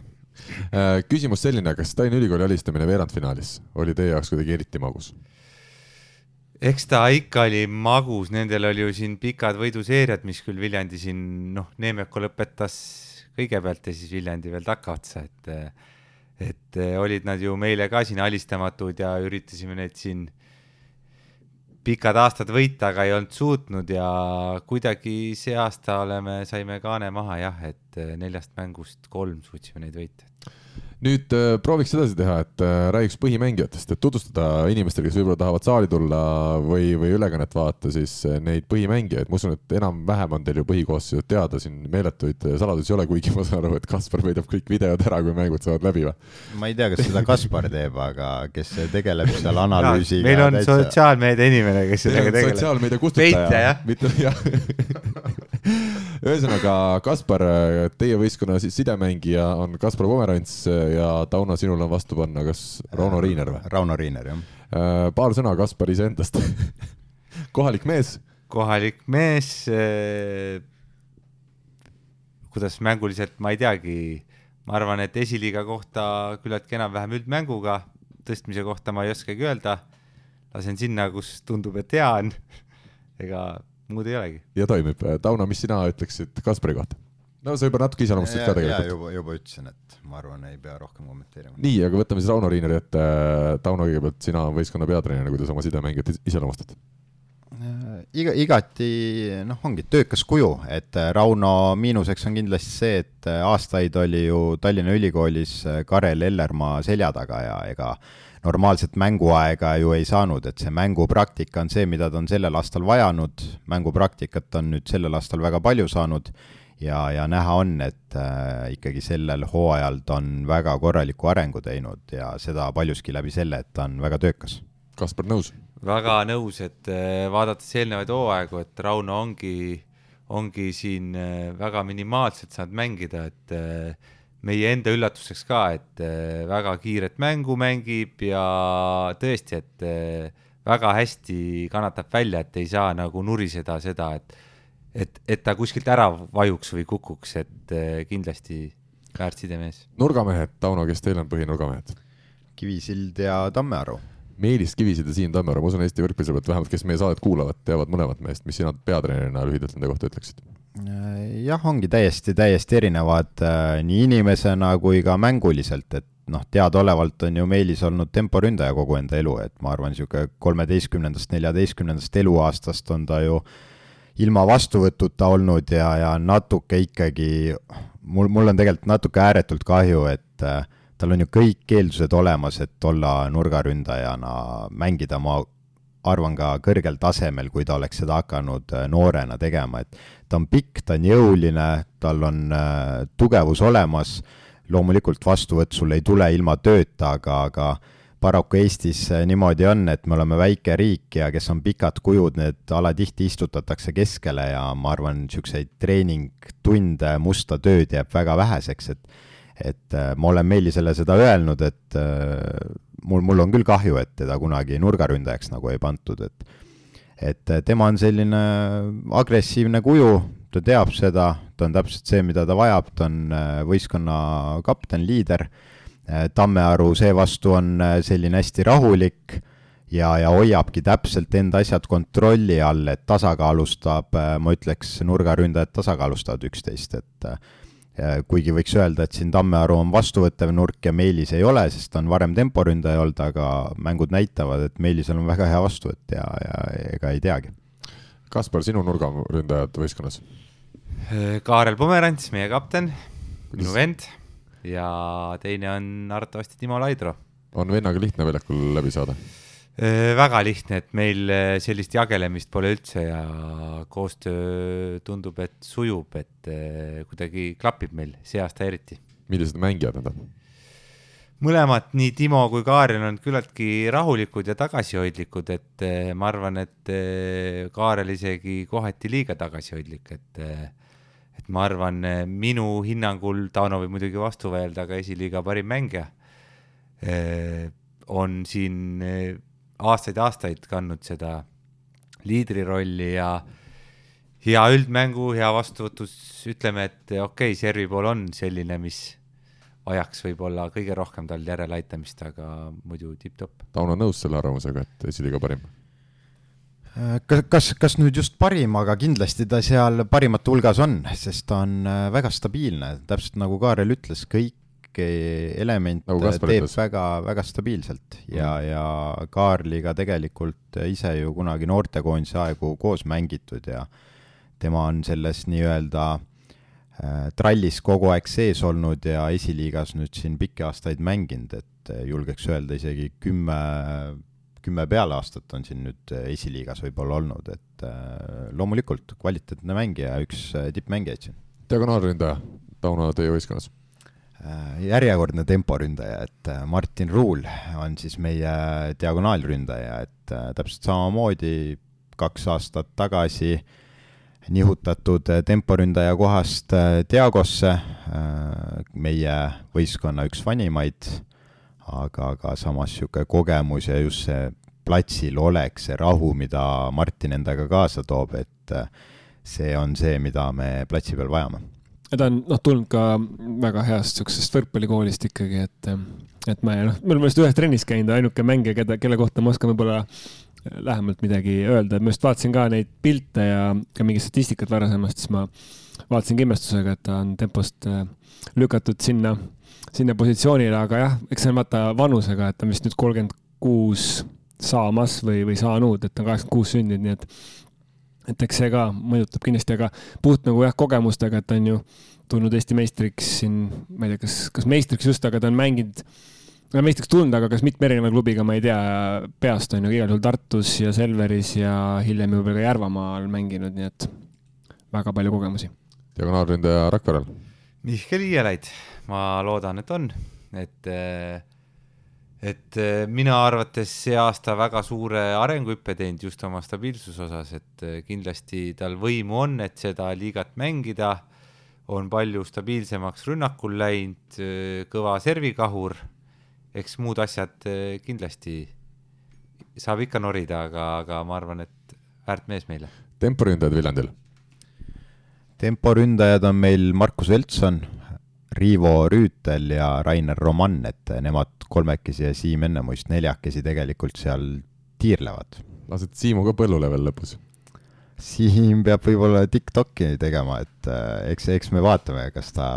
jõuab siin nüüd äh, nädalavahetusel või ei jõua, et eks see, seda saavad inimesed, kes saali tulevad, teada ma pean vist vee peale tõmbama, mulle tundub, et Siimu põlved ikkagi ei lase, ei lase saali korralikult mängida, et ühe mängu proovis ja, ja kohe mõjus nii kehvasti, et. Äh, jah, aga siin on alati see, kuna on viimased mängud, siis äh, saab ju võtta maksimumi ja jätta rannahooaeg vahele see on kindlasti Siimu unistus, teades seda, et tal on siin suveks päris hea paarine tulemas, aga läheme edasi, temporündajad, kes meil Rakverel on? Harri Palmar. Tervitusi. tervitusi Harrile, jah ütles mulle, et ma ta ikka ära mainiks ja see sai nüüd. pidi hea mängija olema. seda ta ütles ka ise kindlasti, jah e,? jah, ütleme nii. ja teine? teine on meil, nüüd ei tea, eks me oleme ka siin vahetanud, et David Armulik on ka meistriliiga kogemust saanud kunagi, Alar Ploom, Tudu Kahur ja siis on meil veel oota, mida tähendab tudukahur? Tudust ainus mees, kes selline. ma siin läheb juba väga huvitavaks, armulik on teil noh, te olete armulikud ühe mängija vastu ja teine tuleb teil tudu pealt ja. ja siis on veel Mihkel Merimaa ja Martin Stadnik, et mm., et seal on mõtteainet jagub, et mõtteainet jagub ah.? et, et ei ole seal keegi naelutatud nii-öelda platsile, et. selge ja liberod lühidalt, Tauno? meil on Jarek Tigane ja mänedžer Risto Laan nii ongi? Ja nii täpselt ongi, jah. kuidas on Rakveres? meil on Andrei Lepik ja Romi Aros, et äh, ka mõlemad äh, mängijad, kes täiendavad teineteist, et äh, ei, ei teagi, kellega, kellega siis alustatakse. just, sest kui head seisud, nii palju häid mehi. selle teema lõpetuseks, kumb nüüd finaali siis võidab ja miks? Kaspar, alustame sinust. ma arvan, et finaali võiks võita Rakvere. nii? kuna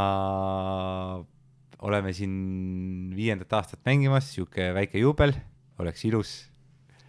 Viienda... Peo, peole vastav ka medal saada, jah? jah, et äh, aga kindlasti on võrdsete heitlus, et äh, ei ole nüüd, ma arvan, et ei ole üks ega teine favoriit otseselt, et äh, on täpselt nii, et äh, kuidas kellelgi hea päev on, et äh, võib võita Viljandi kolm-null, võib võita Rakvere kolm-null, võib kolm-kaks, kuidas, et, et Super. täpselt, et ma loodan, et tuleb väga põnev lahing igal juhul. Tauno, kumb võidab finaali ja miks? jaa, ma loodan loomulikult, et Viljandi võidab, kuna me esimest hooaega siin täishooaega teeme, siis esimene hooaeg võiks olla just see võidu oma, et aga nali naljaks, täpselt nii, nagu Kaarel ütles, et noh, kolm-null mänge ma, sorry, Kaspar mm,. ei ole hullu. on ikka et Kaspar Pea,. peaaegu sama. jah, et äh, et äh, nagu Kaspar ütles, et kolm-nulli ei tahaks uskuda, sest see on äh, ikkagi võrdsete heitlus igal juhul, et äh, kodusaalid on ikkagi täiesti erinevad, meie oma on, ma ütleks, ikkagi võrdlemisi suur, Rakvere oma väga väike, et äh, kodusaali eelis on siin mõlemal võistkonnal väga tugev ja, ja parem võidab, noh, et mm. Äh, siin ei ole mitte midagi rääkida, siin läheb igal juhul andmiseks ja, ja midagi ennustada pole mõtet, et pärast saame vaadata, mis siin pettimiskohad petivad, et et, et äh, paneme võib-olla iseenda mängule, kui me saame, et annate natuke vaba raha meile. see, see, see ennustus, et noh, et läheb kord siia, kord sinna, see kõlas väga nagu naiste meistrivõistluste finaali eel, et noh, et ka vaatasime Karliga teineteisele otsa, et nagu midagi ei oska ennustada, eriti seal, kui kaks-kaks mängud olid juba viimane mäng, et no vaatad otsa nagu okei okay,, et noh, kummale sa annad nagu eelise. ka viiendas mängus, äh, viiendas skeemis sul üksteist neliteist tegelikult ei osanud midagi veel öelda, nagu, nagu lõpp tulemas näitas. Äh, Mihkel, enne kui sa lähed, sa lähed ülikooli jaa, mitte Tallinna seda arusaadav. Äh, enne seda, kuna sa oled siin pundis, käisingi vaatamas naiste esiliiga teist finaalmängu ja see oli siis siin Kindluse spordisaalis mm, -hmm. Peetris või Raes või kuidas iganes see õige on öelda ja fantastiline elamus päris ausalt tunnistan, fantastiline elamus, seal oli viiskümmend inimest lõpuks, ma lugesin kokku, äh, kes olid seda mängu tulnud vaatama. Ja just see tegi minu jaoks selle mängu hästi lahedaks, et ma saingi nii, nagu ma eeldan, Rakveres on, seal olid inimesed ümber, sisuliselt servima tuli üks naisterahvas Peetri naiskonnas ja vabandas minu ees, et vabandust, ma segan talle, ma ütlesin, ei ole hullu, et ma tulingi tegelikult vaatama teie mängu, et, et see on täitsa okei okay,, kui te minu kõrvalt siin, pingi kõrvalt servite. sest see oli selline, seal vahepeal ma tulin saali sisse, samal ajal pallivahetus käis, mingid naised jooksid minu juurde, ma mõtlesin, tahavad kallistama tulla, ei, nad tulid pallile järele Aga.... sest ma jõudsin natuke natukene pärast mängu algust, et see Jaa. oli väga selline interaktiivne kogemus. ja aga see ongi see, mida sa ei näe sellises ei äh, näe, ei näe. puhtas äh, ei, puhas oli ka. sellises, ütleme, ka. eraldatud äh, keskkonnas niimoodi, kus igaühel on oma nagu keskkond, kus on siuksed pikad äh, nii-öelda alad selleks, et ma ei tea, palli päästa või servima tulla, et see ongi selline mm. ähm, sport oma eheduses, ütleme niimoodi, et see ei ole meistrite liiga finaal, vaid see ongi Eesti naiste esiliiga, see on ehe kõige paremas ja pluss mängiti korralikult, et ma ei, ma ei taha siin üldse seda öelda, et see oli, see oli kuidagi mm. kehv, et tegelikult oli lahe vaadata, võib-olla minu jaoks natuke üllatav, kuna ma ei ole nii palju seda naiste madalamaid liigaid jälginud, et, et temposse tõsteti ühele mängijale tõusvat, teistel oli selline kaarega tõste ja, ja tihti sinna jõudis ka mitmene plokk ette, et võib-olla sihuke huvitav avastus, aga tegelikult kuna mängijad olid enamjaolt väga kogenud, siis neid palli siukseid korrektseid puuteid oli minu jaoks võib-olla isegi üllatavalt palju ja see mäng oli väga ilus vaadata ja noh, kui kedagi esile tuua, siis see peab olema ikkagi Mari-Liis Kraumann, kes, keda mm. me teame ju Eesti võrkpallis ka kõrgemalt tasemelt, tema ütleme selline oskus jätkuvalt nagu tunnetuse pealt mängida punkte ära, see, seda oli vaimustav vaadata. ma võin öelda, et ka naiste meistriliigas kohtab seda, mis sa just kirjeldasid, seda, et võib-olla päris klassikalist sihukest äh, tõusvat ei tehta sinna keskele, vaid midagi kas vahepealset või, või siis, et kasvõi seda, et äh, platsil võib olla ka mänge, kes äh, kord on nurk ja kord on side ja noh, et see, ütleme, selliseid asju juhtub ja lõpuks, kui see tulemus toob, siis nagu miks mitte. ja no Peetri naiskonna peatreener saab olla ainult Peeter Vahtra, see on minu arust äh, kõige parem kokkusattumus Eesti võrkpallis viimasel ajal. jaa, see on hea kokkusattumus ja hea, et sai ka naiste esiliiga siis markeeritud ja seal on otsustav kolmas finaalmäng ees ootamas, nii et soovitan kõiki võrkpallisõpru minna siis Pärnusse seda kohtumist jälgima. Mihkel paneb oma arvuti kinni, temal on aeg minna. soovime sulle head teed, milline õppeaine täna vajab siis studeerimist? kvalitatiivsed uurimismeetodid. nüüd saame ka aru, miks sa saadetes vahel räägid just sellist juttu, nagu sa räägid. olgu edukas sul tänane õppetund. aga meie võtame tänases saates ette järgmise teema. kes võidab keda, kas sina oskad ennustada seda? spordiennustus portaalis Pahv, Pahv lööb pahviks ja samal ajal, kui Mihkel veel seob paelu ja hakkab välja minema meie kodusest stuudiost, siis olgu talle veel ka siit eemalt öeldud, et ta on kerkinud viimastel nädalatel saja viiekümne viie euro pealt saja kaheksakümne seitsme euroni. ja see tähendab, et ta on tabelis viiendal kohal, Rivo, Rene, Alari ja Andrese selja taga. Kristjan Kaisist on nüüd saanud Mihkel mööda ja tema lemmikmeeskond Uč oli siis see, kes tõi äh, kohe kaks erinevat Uchi tõid talle äh, viimane kord sellist suurt tulu. mina olen vahepeal paari nädalaga kukkunud viiekümne viie euro pealt kahekümne nelja peale ja on nüüd tihe ja tõesti väga tore võitlus käimas minul võistkonnaga sõbrad, kes olid vahepeal miinuse peal, miinus kaheksa peal, aga siis on nüüd tõusnud siis kolmeteist euro peale ja küll viimased, aga minu osas väga löögiulatuses. Kaspar ja Tauno, meil on täna ka kolmkümmend eurot, siis võistkonnad sõbrad, te esindate siin ühte võistkonda, ma saan aru, et see esiliiga finaalis seda oleks raske ette kujutada võib-olla praegusel momendil, aga anname siis mõlemale viisteist eurot, võite valida vabalt näiteks ühe mängu, mis võiks olla selline võidu, võidu, võidumäng, kus te näete kohe ära spetsialistidena, et just nii läheb. kas Tauno, sa oled juba midagi leidnud või Kaspar? leidsin siit ühe mängu Poola liiga. vana hea Poola liiga, jaa. Robert Täht. Just nii. kaotas esimese veerandfinaali Olstinde ja loodetavasti teise mängu siin võidab ja üks koma viis on nende koefitsient. selge, viisteist eurot sinna, Belhatov ja tõesti ka Rezovia, kus mängib siis Timo Tammemaa, kaotasite veerandfinaalis Poolas oma esimese äh, mängu ja ja päris äh, raskes seisus nüüd, loodetavasti ikkagi suudavad veel mõlemad välja sellest seisust tulla ja poolfinaali oma võistkondadega minna, aga Tauno, mida me sinu puhul vaatame? jaa, ma tul-, tulen siin äh, Soome võrkpalli peale, et, et äh, kaalun siin, kas panna Kristo Kollale või Andrus Raadikule, et kuna Andrusel võib-olla on siin vahepeal liiga tehtud, siis ma tulen siin Andruse poole, et äh, et Savo Volle Valepa vastu siis finaalis kaks koma viiskümmend viis ja Savo võtab ära. Täpselt samamoodi ütlen mina, aga mina lisan siia ka teise panuse, ehk siis kolmkümmend eurot läheb sellele, et Aga Volle võidab hurrikaanide äh, pronksiseerias selles järgnevas mängus, äh, mis on siis toimumas täna kolmapäeva õhtul, mil me seda saadet lindistame. Ja Savo Volle alistab võõrsil Valepa ja kaks mängu kokku, kolmkümmend eurot läheb ja kui tuleks äh, mõlemad panused õigesti, siis üheksakümmend kaheksa saaks tagasi, nii et selles suhtes jälle väga mõnus justkui tundub see ennustamine, aga alati siis, kui tulemused välja tulevad, ei, ei tunduda enam nii mõnus. meie aga võtame siit ette tänase saate järgmise teema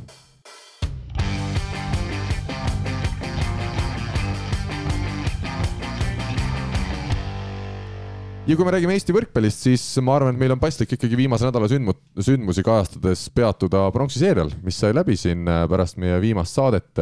Ja Tallinna äh, Tehnikaülikool teenis siis tänavu pronksmedali, alistas äh, pronksiseerias mängudega kaks-null Tallinna Selveri. Ja võib vist öelda, et siin küll üllatust ei, ei olnud, TalTech pidi selle kolmanda koha ära võtma ja seda ka lõppkokkuvõttes üsna kindlalt tehti, olete te nõus sellega? jaa, olen täitsa, täitsa nõus, et et äh, oli, oli arvata, et TalTech selle ära võtab. ja, ja Selver on olnud sellel hooajal siin ju erinevate probleemidega kimpus ja, ja teadaolevalt siin viimased mängud olid ka neil ikkagi tugevad probleemid, et äh, et ega siin mingit äh, pikka juttu ei olegi, et pigem uuriks, et mis Uku Rummi teeb järgmine hooaeg. nii palju tean, et ei ole veel, ei ole veel plaane paika pandud. okei okay et, et. kas sa otsid Viljandisse äh,? Ukut kindlasti mitte, sorry Uku. ühesõnaga Uku Rummi siis TalTechi mänedžerina paneb äh, ameti maha neliteist aastat äh, võistkonda mänedžeri ja kõigi muude rollide äh, tegemisel vedas ja samamoodi siis Deniss Losnikov, Tallinna Selveri meeskonna kapten, nurgaründaja Eesti koondisest mäletame teda ka liberona veel, ütles, et tema jaoks meistriga tasandil jäi see hooaeg nüüd viimaseks. no alustame Ukust. mina ka siin saates ju taaskord pean ütlema, olen üsna palju olnud kriitiline teatud hetkedel äh, TalTechi klubi tegemise kohta, aga samas, kui ma ka pärast seda viimast mängu tegin Ukuga intervjuu, siis noh, seda ei saa kuidagi väita, et Uku Rummi nagu süda ja hing ei oleks selle võistkonna juures olnud, et ma annan aru, et see mänedžeri töö ongi raske ja, ja see võib-olla sobibki väga vähestele, kes suudavad sellega väga hästi hakkama saada, sest seal tulebki teha erinevaid asju, seal tuleb raha otsida ja meestega läbi saada ja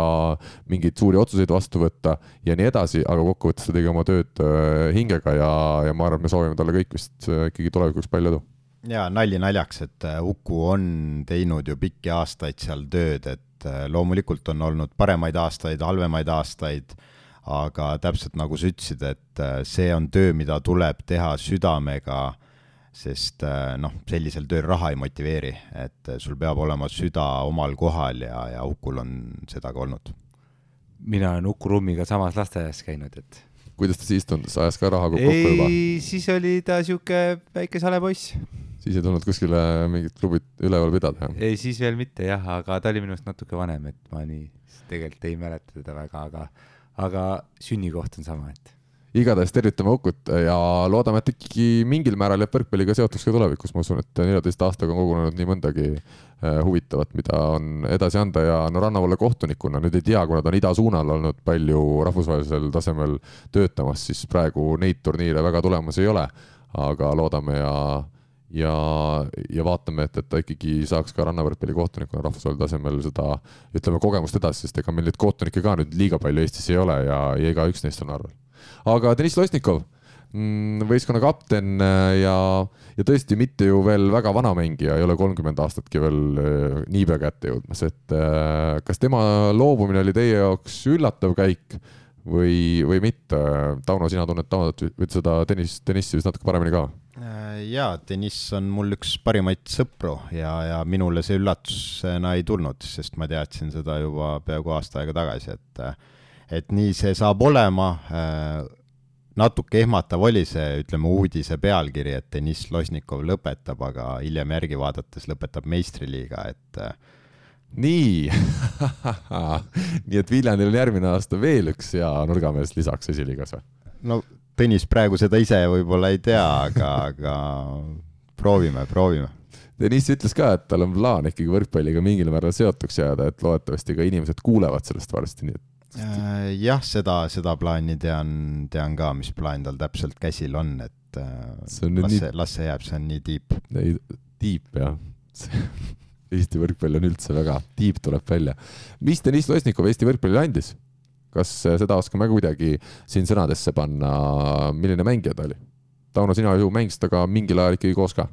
jaa, mängisin koos. noh, ma ei mataks teda nii väga nüüd maha, et, et mida ta andis, et tal on veel Eesti võrkpallile anda. et ei, ei ole, ei ole ta võrkpallist nii-öelda ära kustutatud, et et loomulikult on olnud selline ju stabiilne Selveri kuju, aasta tegi ju Rakveres, suhteliselt noorena sai ju Eesti koondise juurde, oli seal nurgana, mingil hetkel liberona, et niisugune pendeldas, aga noh, nagu ikka, ega elu teeb oma korrektuurid ja ja, ja võib-olla nüüd tagasi tulla natuke jälle selle esiliiga juurde ja meistriliiga juurde, et näiteks mis Soomes ülihästi minu arust toimu-, toimib, on see, et et paljud mängijad, kes on meistriliigas, ühel hetkel lähevadki esiliigasse puhtalt enda elulistel põhjustel, et lapsed, tööd, erinevad koduteemad ja, ja teevad seal esiliigas äh, treeninguid, mängivad, on kaks-kolm aastat esiliigas, lähevad tagasi ühel hetkel meistriliigasse, kui saavad enda eluasjad paika, et et ei, ei tahaks selliseid mängumehi täiesti maha matta, et kasvatame need lapsed suureks siin mõned aastad ja, ja siis vaatame juba edasi, et et Deniss äh, on, on selline inimene, kes enda füüsise poole pealt, tal ei kuku füüsis mitte kuhugi ära, ta hoiab füüsiliselt end heas vormis ja, ja tal on ju pallipuuted, kõik asjad olemas, et äh, ühel hetkel uuesti mängida Läheme edasi ja räägime peatreeneritest. Tartu Bigbank teatas esmaspäeva hilisõhtul, et äh, Alar Rikberg jätkab võistkonna juhendajana. ühtlasi teatati, et plaanitakse eurosarjas jätkata mängimist, mis Tartu puhul ei ole olnud, äh, me teame, selline tavapärane asi, vaid äh, alles siis sel hooajal üle pikkade aastate Euroliigaga või eurosarjaga liituti taas ja, ja ma julgen öelda, see oli küll igas mõttes nii Tartule kui ka Eesti võrkpallile laiemalt väga-väga hea otsus ja samm ja sellise võistkonnaga peakski mängima eurosarja sest kui kõva võistkond neil tänavu oli ja ma ikkagi arvan, arvan, kuidagi tartlased ise on tagasihoidlikud, et järgmine hooaeg tuleb teistsugune ja noorem ja kehvem. kui mina vaatan täna otsa Tartu potentsiaalsetele mängijatele, äh, siis kui Juhkami ja Hurt lähevadki ära, Taavet Lepik jääb sinna nurka, kes on ikkagi kvaliteetne mängumees, igal juhul ka rahvusvahelisel tasemel, ma võin öelda. keegi korralik nurk sinna kõrvale ja, nagu isegi Alex Saaremaa peaks minema välismaale, mis tundub võimalik tempodest, siis Kevin Soo, Mart Naaber ei ole ju väga kehv tuua, et äh, minule tundub Tartu Bigbank on järgmisel aastal ikkagi tiitlipretendent number üks ja ma ütlen seda hoolimata sellest, äh, et ma ei tea veel midagi, mida konkureerivad klubid plaanivad teha. eks ikka Tartu on, on kõva nii paberil kui ka tegelikkuses, et äh, kui nagu sa ütlesid, et neid mängeid vaadates, siis klassi on ju kõigil ja ja kõik on ju kõvad, kõvad mängumehed olnud, et seal vast ei, ei teki neil kindlasti mingit probleemi ja no ei saa öelda, et noortevõistkonnaga nagu hakatakse mängima, kui tundub, et Gert Toobal ja Rait Rikberg jätkavad, Kevin Soo võiks jätkata, Taavet Lepik, no see, see juba iseenesest teeb sellest põhikoosseisust vähemalt väga kogenud äh, seltskonna. huvitav küsimus, palju Gert Toobalile plaanitakse mänguaega anda järgmisel hooajal, et äh, kas Ronald Järv jääb sinna kõrvale, kas ongi võib-olla plaan, et ma tean, et Aleksandr Eermaa juures vist on juba käinud koputamas kõik Eesti klubid, et, äh, et Gert Toobal, kas ta on võib-olla sellises vanuses, et ta vajakski põhiturniiril vähem mänge, vähem koormust ja võttagi keegi veidi noorem mees sinna kõrvale, kes tahab veel areneda ja seal Gerdi kõrval oleks hea areneda, kas see, see tundub teile ka selline variant või on Gert mängija, kes tahaks olla igal mängul alati platsil? Äh, sõltub väga palju ju tegelikult, mis süsteemi lõpuks mängima hakatakse, et kui mängitakse nagu sellel aastal Balti liigat ja, ja siis karikas sinna vahepeale Euroliigat, loomulikult neid mänge tuleb ju ääretult palju ja ja Gerdil võib-olla kõiki neid mänge polekski vaja mängida ja polegi vaja mängida, sest võistkond on piisavalt tugev. Äh, jah, naljakas seik võib-olla Gerdi poolest ongi, et kaks tuhat kaheksa, kui ma ise Tartusse mängima läksin, Gert oli just äsja tulnud äh, äh, tagasi äkki Belgiast, saanud vigastuse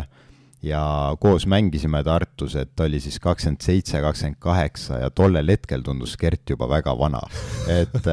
ja aga ise olen need aastad ära mänginud ja nüüd äh, juba kolm aastat treener, Gert ikka mängib. et, äh, et igasugune respekt äh, selle vastu, kuidas ta nüüd vigastuspausist, et välja on tulnud, kõik on sellest rääkinud, aga noh, sellest peabki rääkima, sest see on täiesti,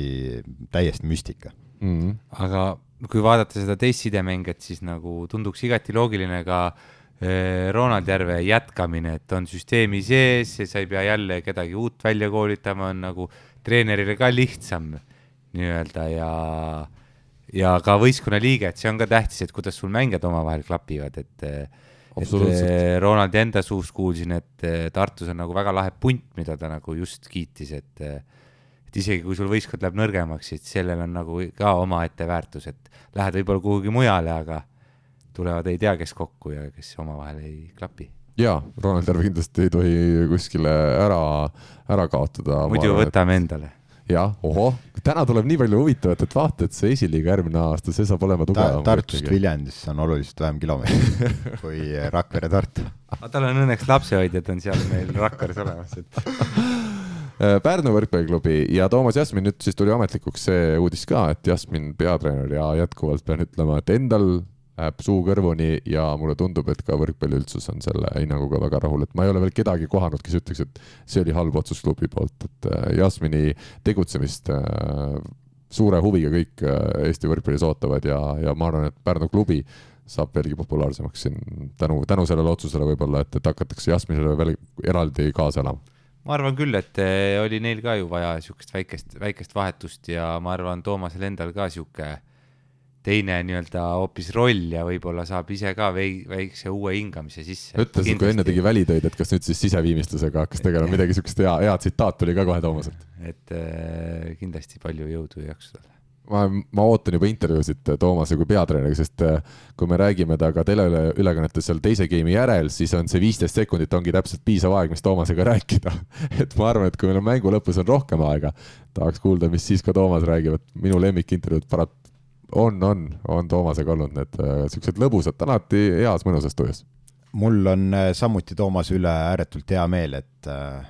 olnud siin nüüd U neliteist poistega võistelnud ja parasjagu oligi, kui see uudis avalikuks tuli, et äh, Aavo lahkub, siis päev-kaks hiljem olime, olime Haapsalus U neliteist võistlustel ja, ja küsisingi Tomilt otse, et kas tema võtab saapad üle ja ja tollel hetkel kinnitas sõnu, et äh, mis siin ikka, et pidin sellele uuele tööandjale, kuhu ta pidi tööle asuma, helistama, et kuule, nüüd on asjalood nii, et äh, et äh, võtan selle peatreeneri rolli ja, ja nagu Toomas ütles, et see töö on täiesti erinev võrreldes sellega, mis tehakse noorega, noortega, et seal sa pead olema kannatlik ja, ja ikkagi meeskonna treener olles, alates komplekteerimisest äh,, isegi raha otsimised, kõik need asjad käivad selle asja juurde, et see on täiesti äh, muu ülesanne talle ja ma soovin talle edu ja ma loodan, et ta saab väga hästi hakkama. Äh, ta ise ka mainis, et loodab ikkagi koostööd teha mitmete mängijatega, keda ta on noorteklassis juhendanud no Märt Tammearu võib-olla kõige eredam näide, aga tema eeldatavasti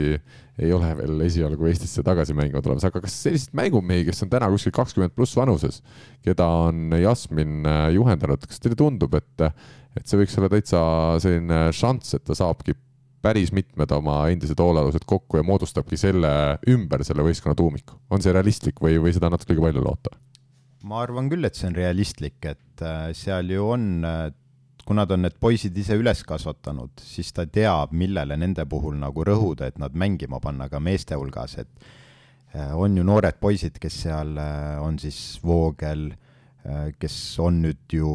pinki mingil määral nühkinud seal Pärnus, et miks mitte anna, anda talle võimalus ja, ja kui Toomas oskab teda mängima panna, siis andku ainult minna. sidemängijaid pole kunagi vähe ja, ja üks tempomees, kes sellel hooajal küll mulle teadaolevalt Pärnus ei mänginud, äh, aga aasta enne seda oli täitsa kihvt kuju, ma nüüd nime jään võlgu, et rahuaja äkki või? jah, võis täitsa rahuaja olla, et, et äh, sellised poisid, äh, kui nad on füüsiliselt okeid, siis nad tuleb lihtsalt vägisi tagasi tuua, kus iganes nad parasjagu ei ole. Mm. Nii et seda Pärnu võistkonnast komplekteerivust saab küll huvitav olema jälgida. Ja üldse suved, me mõtleme, suvi on tühi, aga tegelikult suvel pea iga päev tuleb meil ikkagi huvitavaid uudiseid, kes eestlastest on välismaale siirdumas, kes on Eesti-siseselt klubi vahetamas või uue lepingu sõlminud, nii et huviga jääme ootama. mis saab nüüd Tallinna Selverist ja TalTechist, kas te arvate, et Andres Toobal jätkab Selveri peatreenerina ja Janis Järvelpuu TalTechi juhendajana, tundub see teile loogiline käik või, või näete te seal ka mingeid muutusi? mina arvan, et Andresele võiks anda veel ühe võimaluse kindlasti, et eh, ei olnud ju tal ka nii lihtne seal, et kui vaadata siin koosseisu ja pidi siin vangerdama, kes on haiged, siis pidi jälle ise tõstma et äh, kindlasti, et ta ei saanud niisugust ideaalset äh, keskkonda, kus. joo, kus... esimene pool oli tegelikult ju hea ka, karikas just... jõuti finaali, mis oli sisuliselt maksimum äh, ja kui Renet Vankeriga mängiti, siis ka korra Tartut võideti, et tegelikult me kipume unustama seda Selveri väga head esimest poolt. temal seda know-how'd on nagu väga palju ja, ja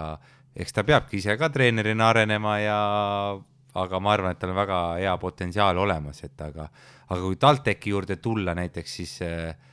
ei taha ühtegi halba sõna öelda Jaanis Sirelpuule, aga ma arvan ka, et oleks vaja väikest niisugust verevahetust sinna, et mm.. Janis ju kaks tuhat kolmteist vist aastast alates hetkel kõige kauem siis ühe klubi juures järjest töötanud peatreener. Tauno, kuidas sulle tundub, sa oled ka nii Selveris kui ka TalTechis erinevatel aegadel mänginud? Jaa, Andrese koha pealt, noh, siin pole midagi rääkida, ega see hooaeg oli nagu ta oli, et äh, Andresel on kvaliteet, et olla väga hea treener, äh, ongi erinevad äpardused, viimaseid mänge pidi üldse ju teleka teel siin vaatama, noh, see on see, mida sa ei saa tegelikult, äh, sa ei saa mitte midagi endast anda, et olen pidanud ise ka selle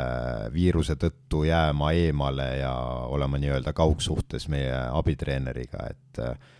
et Andres kindlasti võiks juhendada Selverit, siin pole üldse küsimust, Janise koha pealt noh, ongi täpselt see, nagu Kaspar mainis, et et kas ta ise näeb, et klubi vajaks mingisugust vahetust, kas seal vahetuvad mehed, et mis seal üldse tehakse, et et kui samamoodi nagu edasi minna äh, kas äh, kolmandast kohast äh, noh, või ütleme siis teisest kohast kõrgemat kohta ikkagi nendel tingimustel kätte saab, see on iseasi, et äh, ma arvan, TalTechi sugusel klubil peaks olema eesmärk ikkagi midagi võita. Nõus Äh, Oliver Lüütsepast on siin räägitud kui äh, Võru siis potentsiaalne uus peatreener, tundub juba võrkpalliringkondades, sellest räägitakse ka kindlas kõneviisis. ja no vaatame asjale ausalt otsa, kui meil on Võrumaalt selline treener tulnud ja, ja,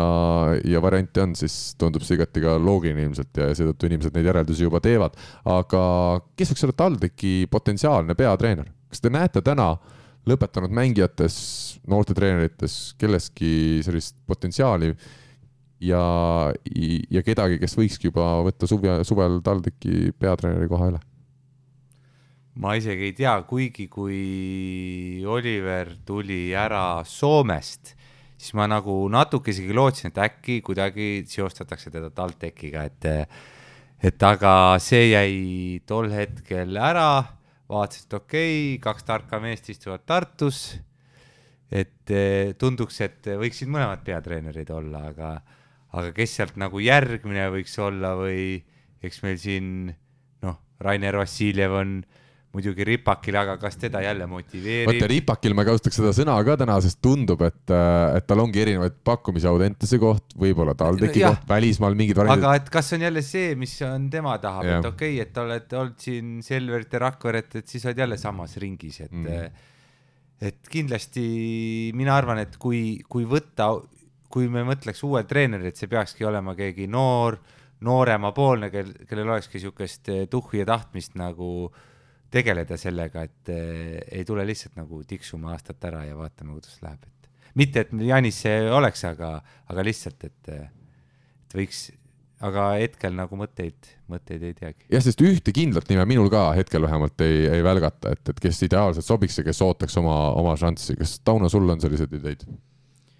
Ega, ega treenereid, noh, kohati ongi meil treenereid vähe, aga samas klubis on meil ka vähe, eks, et äh, Lüütsepa puhul ma pigem ei arvaks, et see TalTech on, et äh, mingil määral ikkagi elu paneb ju paika ja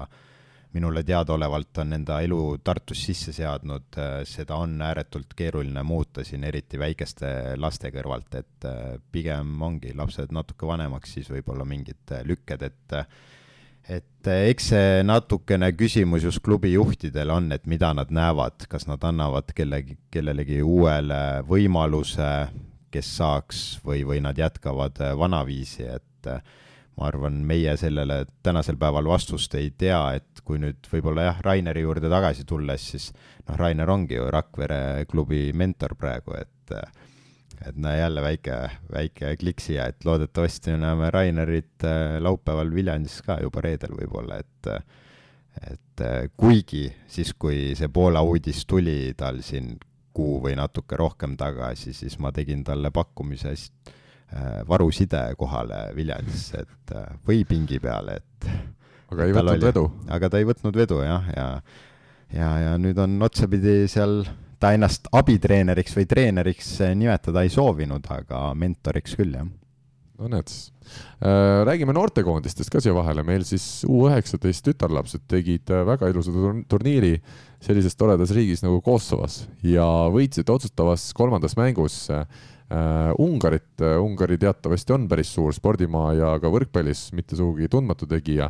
ja tundub, et paljuski see Audenteses kokku töötanud punt noori tütarlapsi ja see tehtud töö vähemalt nüüd äh, antud turniiriga siis näitas juba ära, et, et seda tööd on ka rahvusvahelises mõõtmes tehtud hästi ja, ja vähemalt tütarlaste osas me saame olla sellesama vanuseklassi osas kaks tuhat seal alguses äh, sündinud noored päris optimistlikud, et äh, no me oleme siin saates ka rääkinud sellest samast Audentesest, et, et seal on pikad sihvakad ka tundub väga hea emotsiooniga tütarlapsed peale kasvamas ja, ja huvitav saab olema näha, mis nendest siis naisteklassis saab. Tauno, kuidas sina üleüldse noorte selliste äh, süsteemide seisu ja noorteklasside süsteemi hindad? ise igapäevaselt töötades noortega? Äh, jaa, noh, siin võiks arutada äh, nii mõndagi, aga ma arvan, üldpilt on okei okay,, et paljuski ongi kohati läheb äh, noortele mänge väga paljuks, jälle mingid vanusegrupid, neid turniire nii palju ei ole, poiste miinused, eriti väikestes kohtades, on ju see, et nad peavad mängima erinevaid vanusegruppe, sellised tänuväärt turniirid, nagu on siin Ilmar Mõttus teeb Väätsal ja, ja Rakvere teeb ju noortele Rakveres, et sellised on täiesti tänuväärt turniirid. Ja, ja kui nüüd tulla siin vanemate juurde, tütarlaste üle väga hea meel, aga, aga see ongi täpselt see mängupilt ju, mida kõik lootsid ja uskusid, et nii peabki olema, vaadates Audentest mängimas, et enne kui äh, siin podcast'is naiste võrkpalli ei kajastatud, siis ma ütlen ausalt, ega, ega ma suurt sealt midagi ei teadnud, ammugi mitte nagu noorte tüdrukute puhul, aga aga nüüd olen jälginud nii mõnda mängugi Audentesel ise ja väga-väga okei alates sidemängijast kuni diagonaalideni välja ju täiesti mängutüdrukud, et. jaa, Heli Vahula, äh, Noora Lember, Eva-Liisa Kuivanen, võib-olla need kolm ikkagi kõige nimekamad tegijad, kui sina, Tauno, vaatad äh, nende tegevust täna, kas tundub, et, et nende tiivad võiksid võrkpallis kanda ikkagi päris kaugele ka rahvusvahelisel areenil?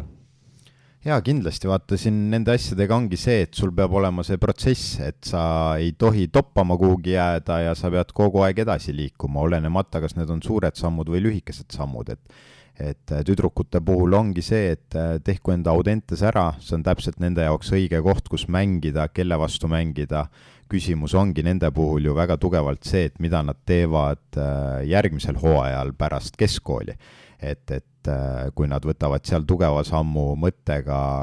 piiri taha, mitte lihtsalt piiri taha, vaid ikkagi sinna, kus nad saavad areneda, siis äh, loomulikult ma näen, et seal on äh, hea õnnestumise korral ja töökuse korral seal on väga asjalikke kujusid no rannavõrkpallis me teame, Liisa-Lotta Jürgensoniga Eva-Liisa Kuivanen plaanib hakata nii-öelda aastaringselt tegema praeguste plaanide kohaselt just rannavõrkpalli ja see on palju kõneainet ju tekitanud Eesti võrkpalliringkondades. kuidas sina inimesena, kes on ka rannavõrkpalliga väga lähedalt seotud olnud, sellisesse otsusesse suhtud ja kuidas sulle tundub, kas see on õige valik? Mina kindlasti ei ole see noortetreener, kes, kes ütleb, et äh, mis on nüüd õige, mis on vale, et kas mängida rannavollet või saalivõrkpalli, et äh, see on ikkagi otsus, mida peab äh, see noor ise tegema koostöös siis enda vanematega, et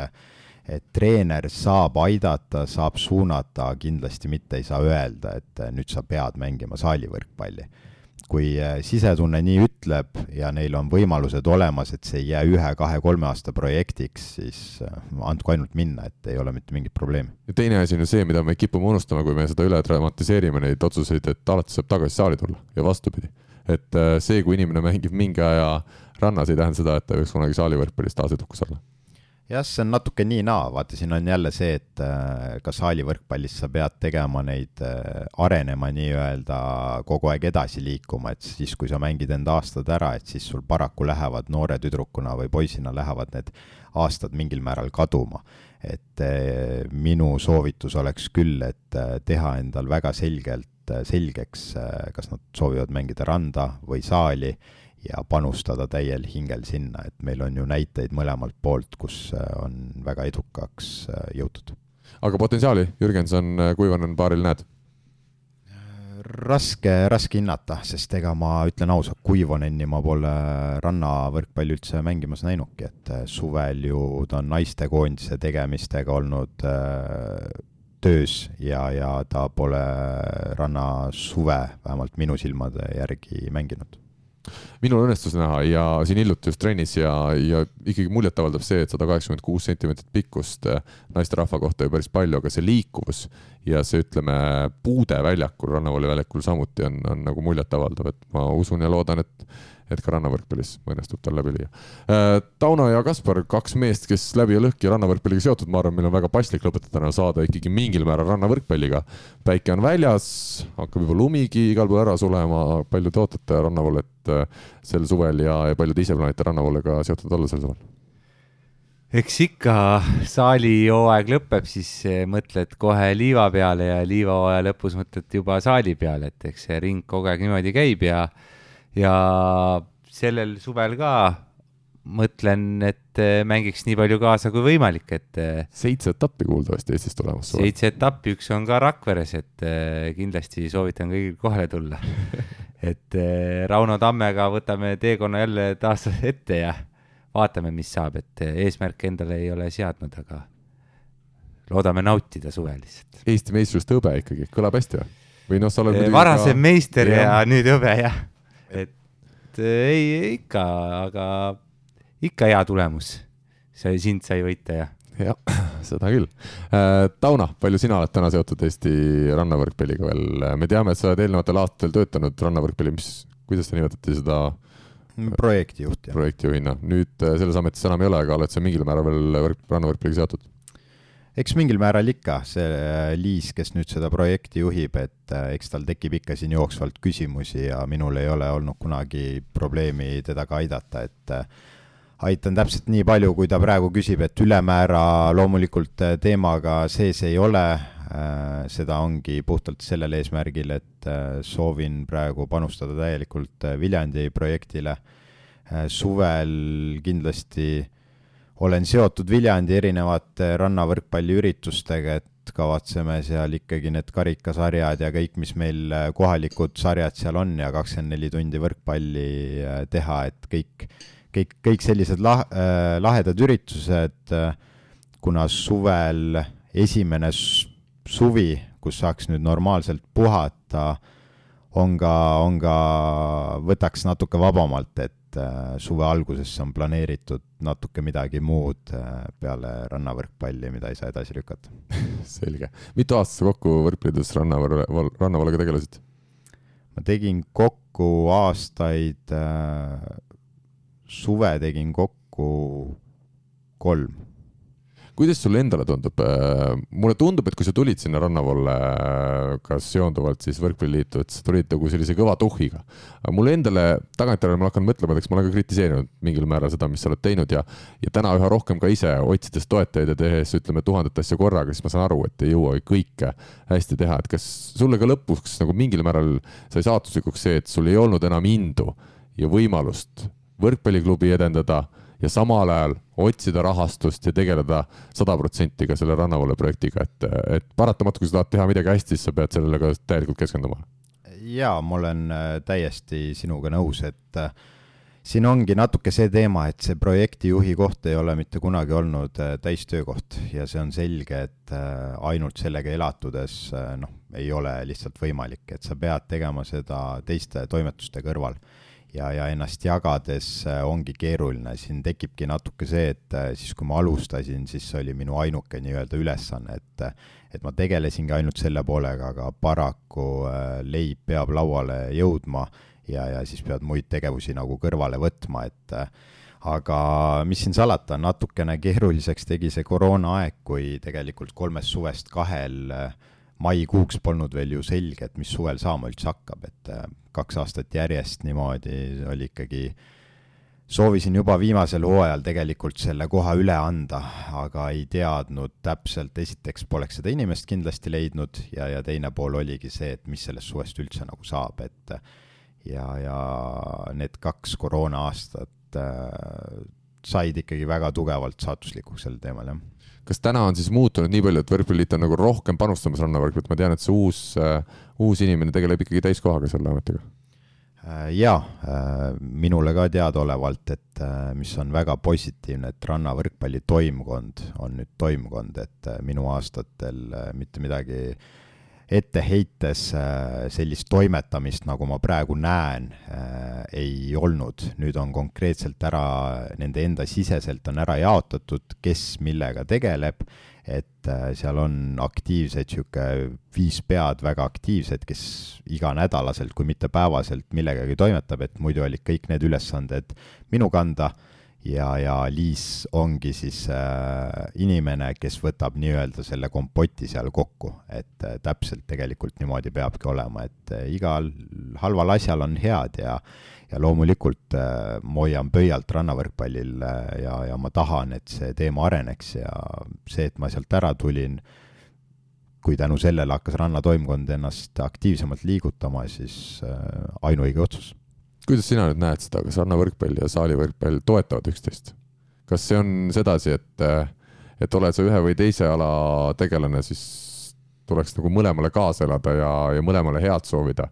või, või sa näed, et nad ikkagi pärsivad mingil määral üksteise tegevust? nii siis toetuste leidmisel heade mängijate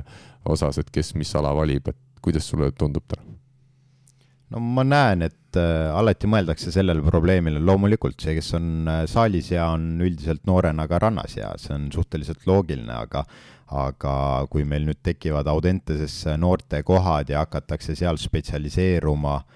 äh,, ikkagi toetavad üksteist, et äh, kas või see, et noored, äh, mina julgustan ka kohe, kui tegelikult saaliturniirid lõpevad, kolime me noortega randa, mängime rannavollet ja, ja siis äh, põhikooli lõpus noor saabki otsustada, et mis ta täpselt tegelikult teha tahab, et äh, ma arvan, korralikult äh, altpoolt tööd tehes siis jagub neid mängijaid nii randa kui ka saali, et see ei ole kindlasti selline probleem ja, ja nagu ma enne mainisin, et ma ei ole sellise mentaliteediga noor treener, et, et kes keelab üht või teist mängimast. seda on rõõm kuulda aga mulle tundub, et meil hakkab saade vaikselt läbi saama. ma ütleks veel ka omalt poolt, et mina arvan ka, et see suvene, suvine rannavolle täiendab kindlasti mängijat, et eh, sa saad esiteks seal juba nii palju puuteid, sind on palju, palju rohkem pead nii-öelda ise ära tegema. et kogu see platsimäng, eh, nii, nii muu üldmäng nii-öelda paraneb, et see on igale noorele kindlasti ainult, ainult eh, kasulik ja ja kogukond on lõpuks ju ikkagi see võrkpalliringkond on üks, et eh, ma arvan, et ei tasu nagu kakelda ja tuleks ikkagi nagu üksteist pigem hoida ja kaasa elada. ja üksteist hoitakse ka laupäeval siis, ma saan aru, Viljandis, olenemata sellest, milliseks kujuneb mäng ja, ja kes selle lõpuks võidab, saan ma õigesti aru? eks ikka ollakse ju konkurendid platsi peal, aga lõpuks aetakse ju sama eesmärgi nimel tehakse ja nähakse vaeva, et ega see maailma lõpp ei ole, kui üks või teine kaotab. selge. jah, täpselt, et äh, mul on ääretult hea meel, et Rakverega me finaalis kohtume ja, ja ma arvangi, et kaks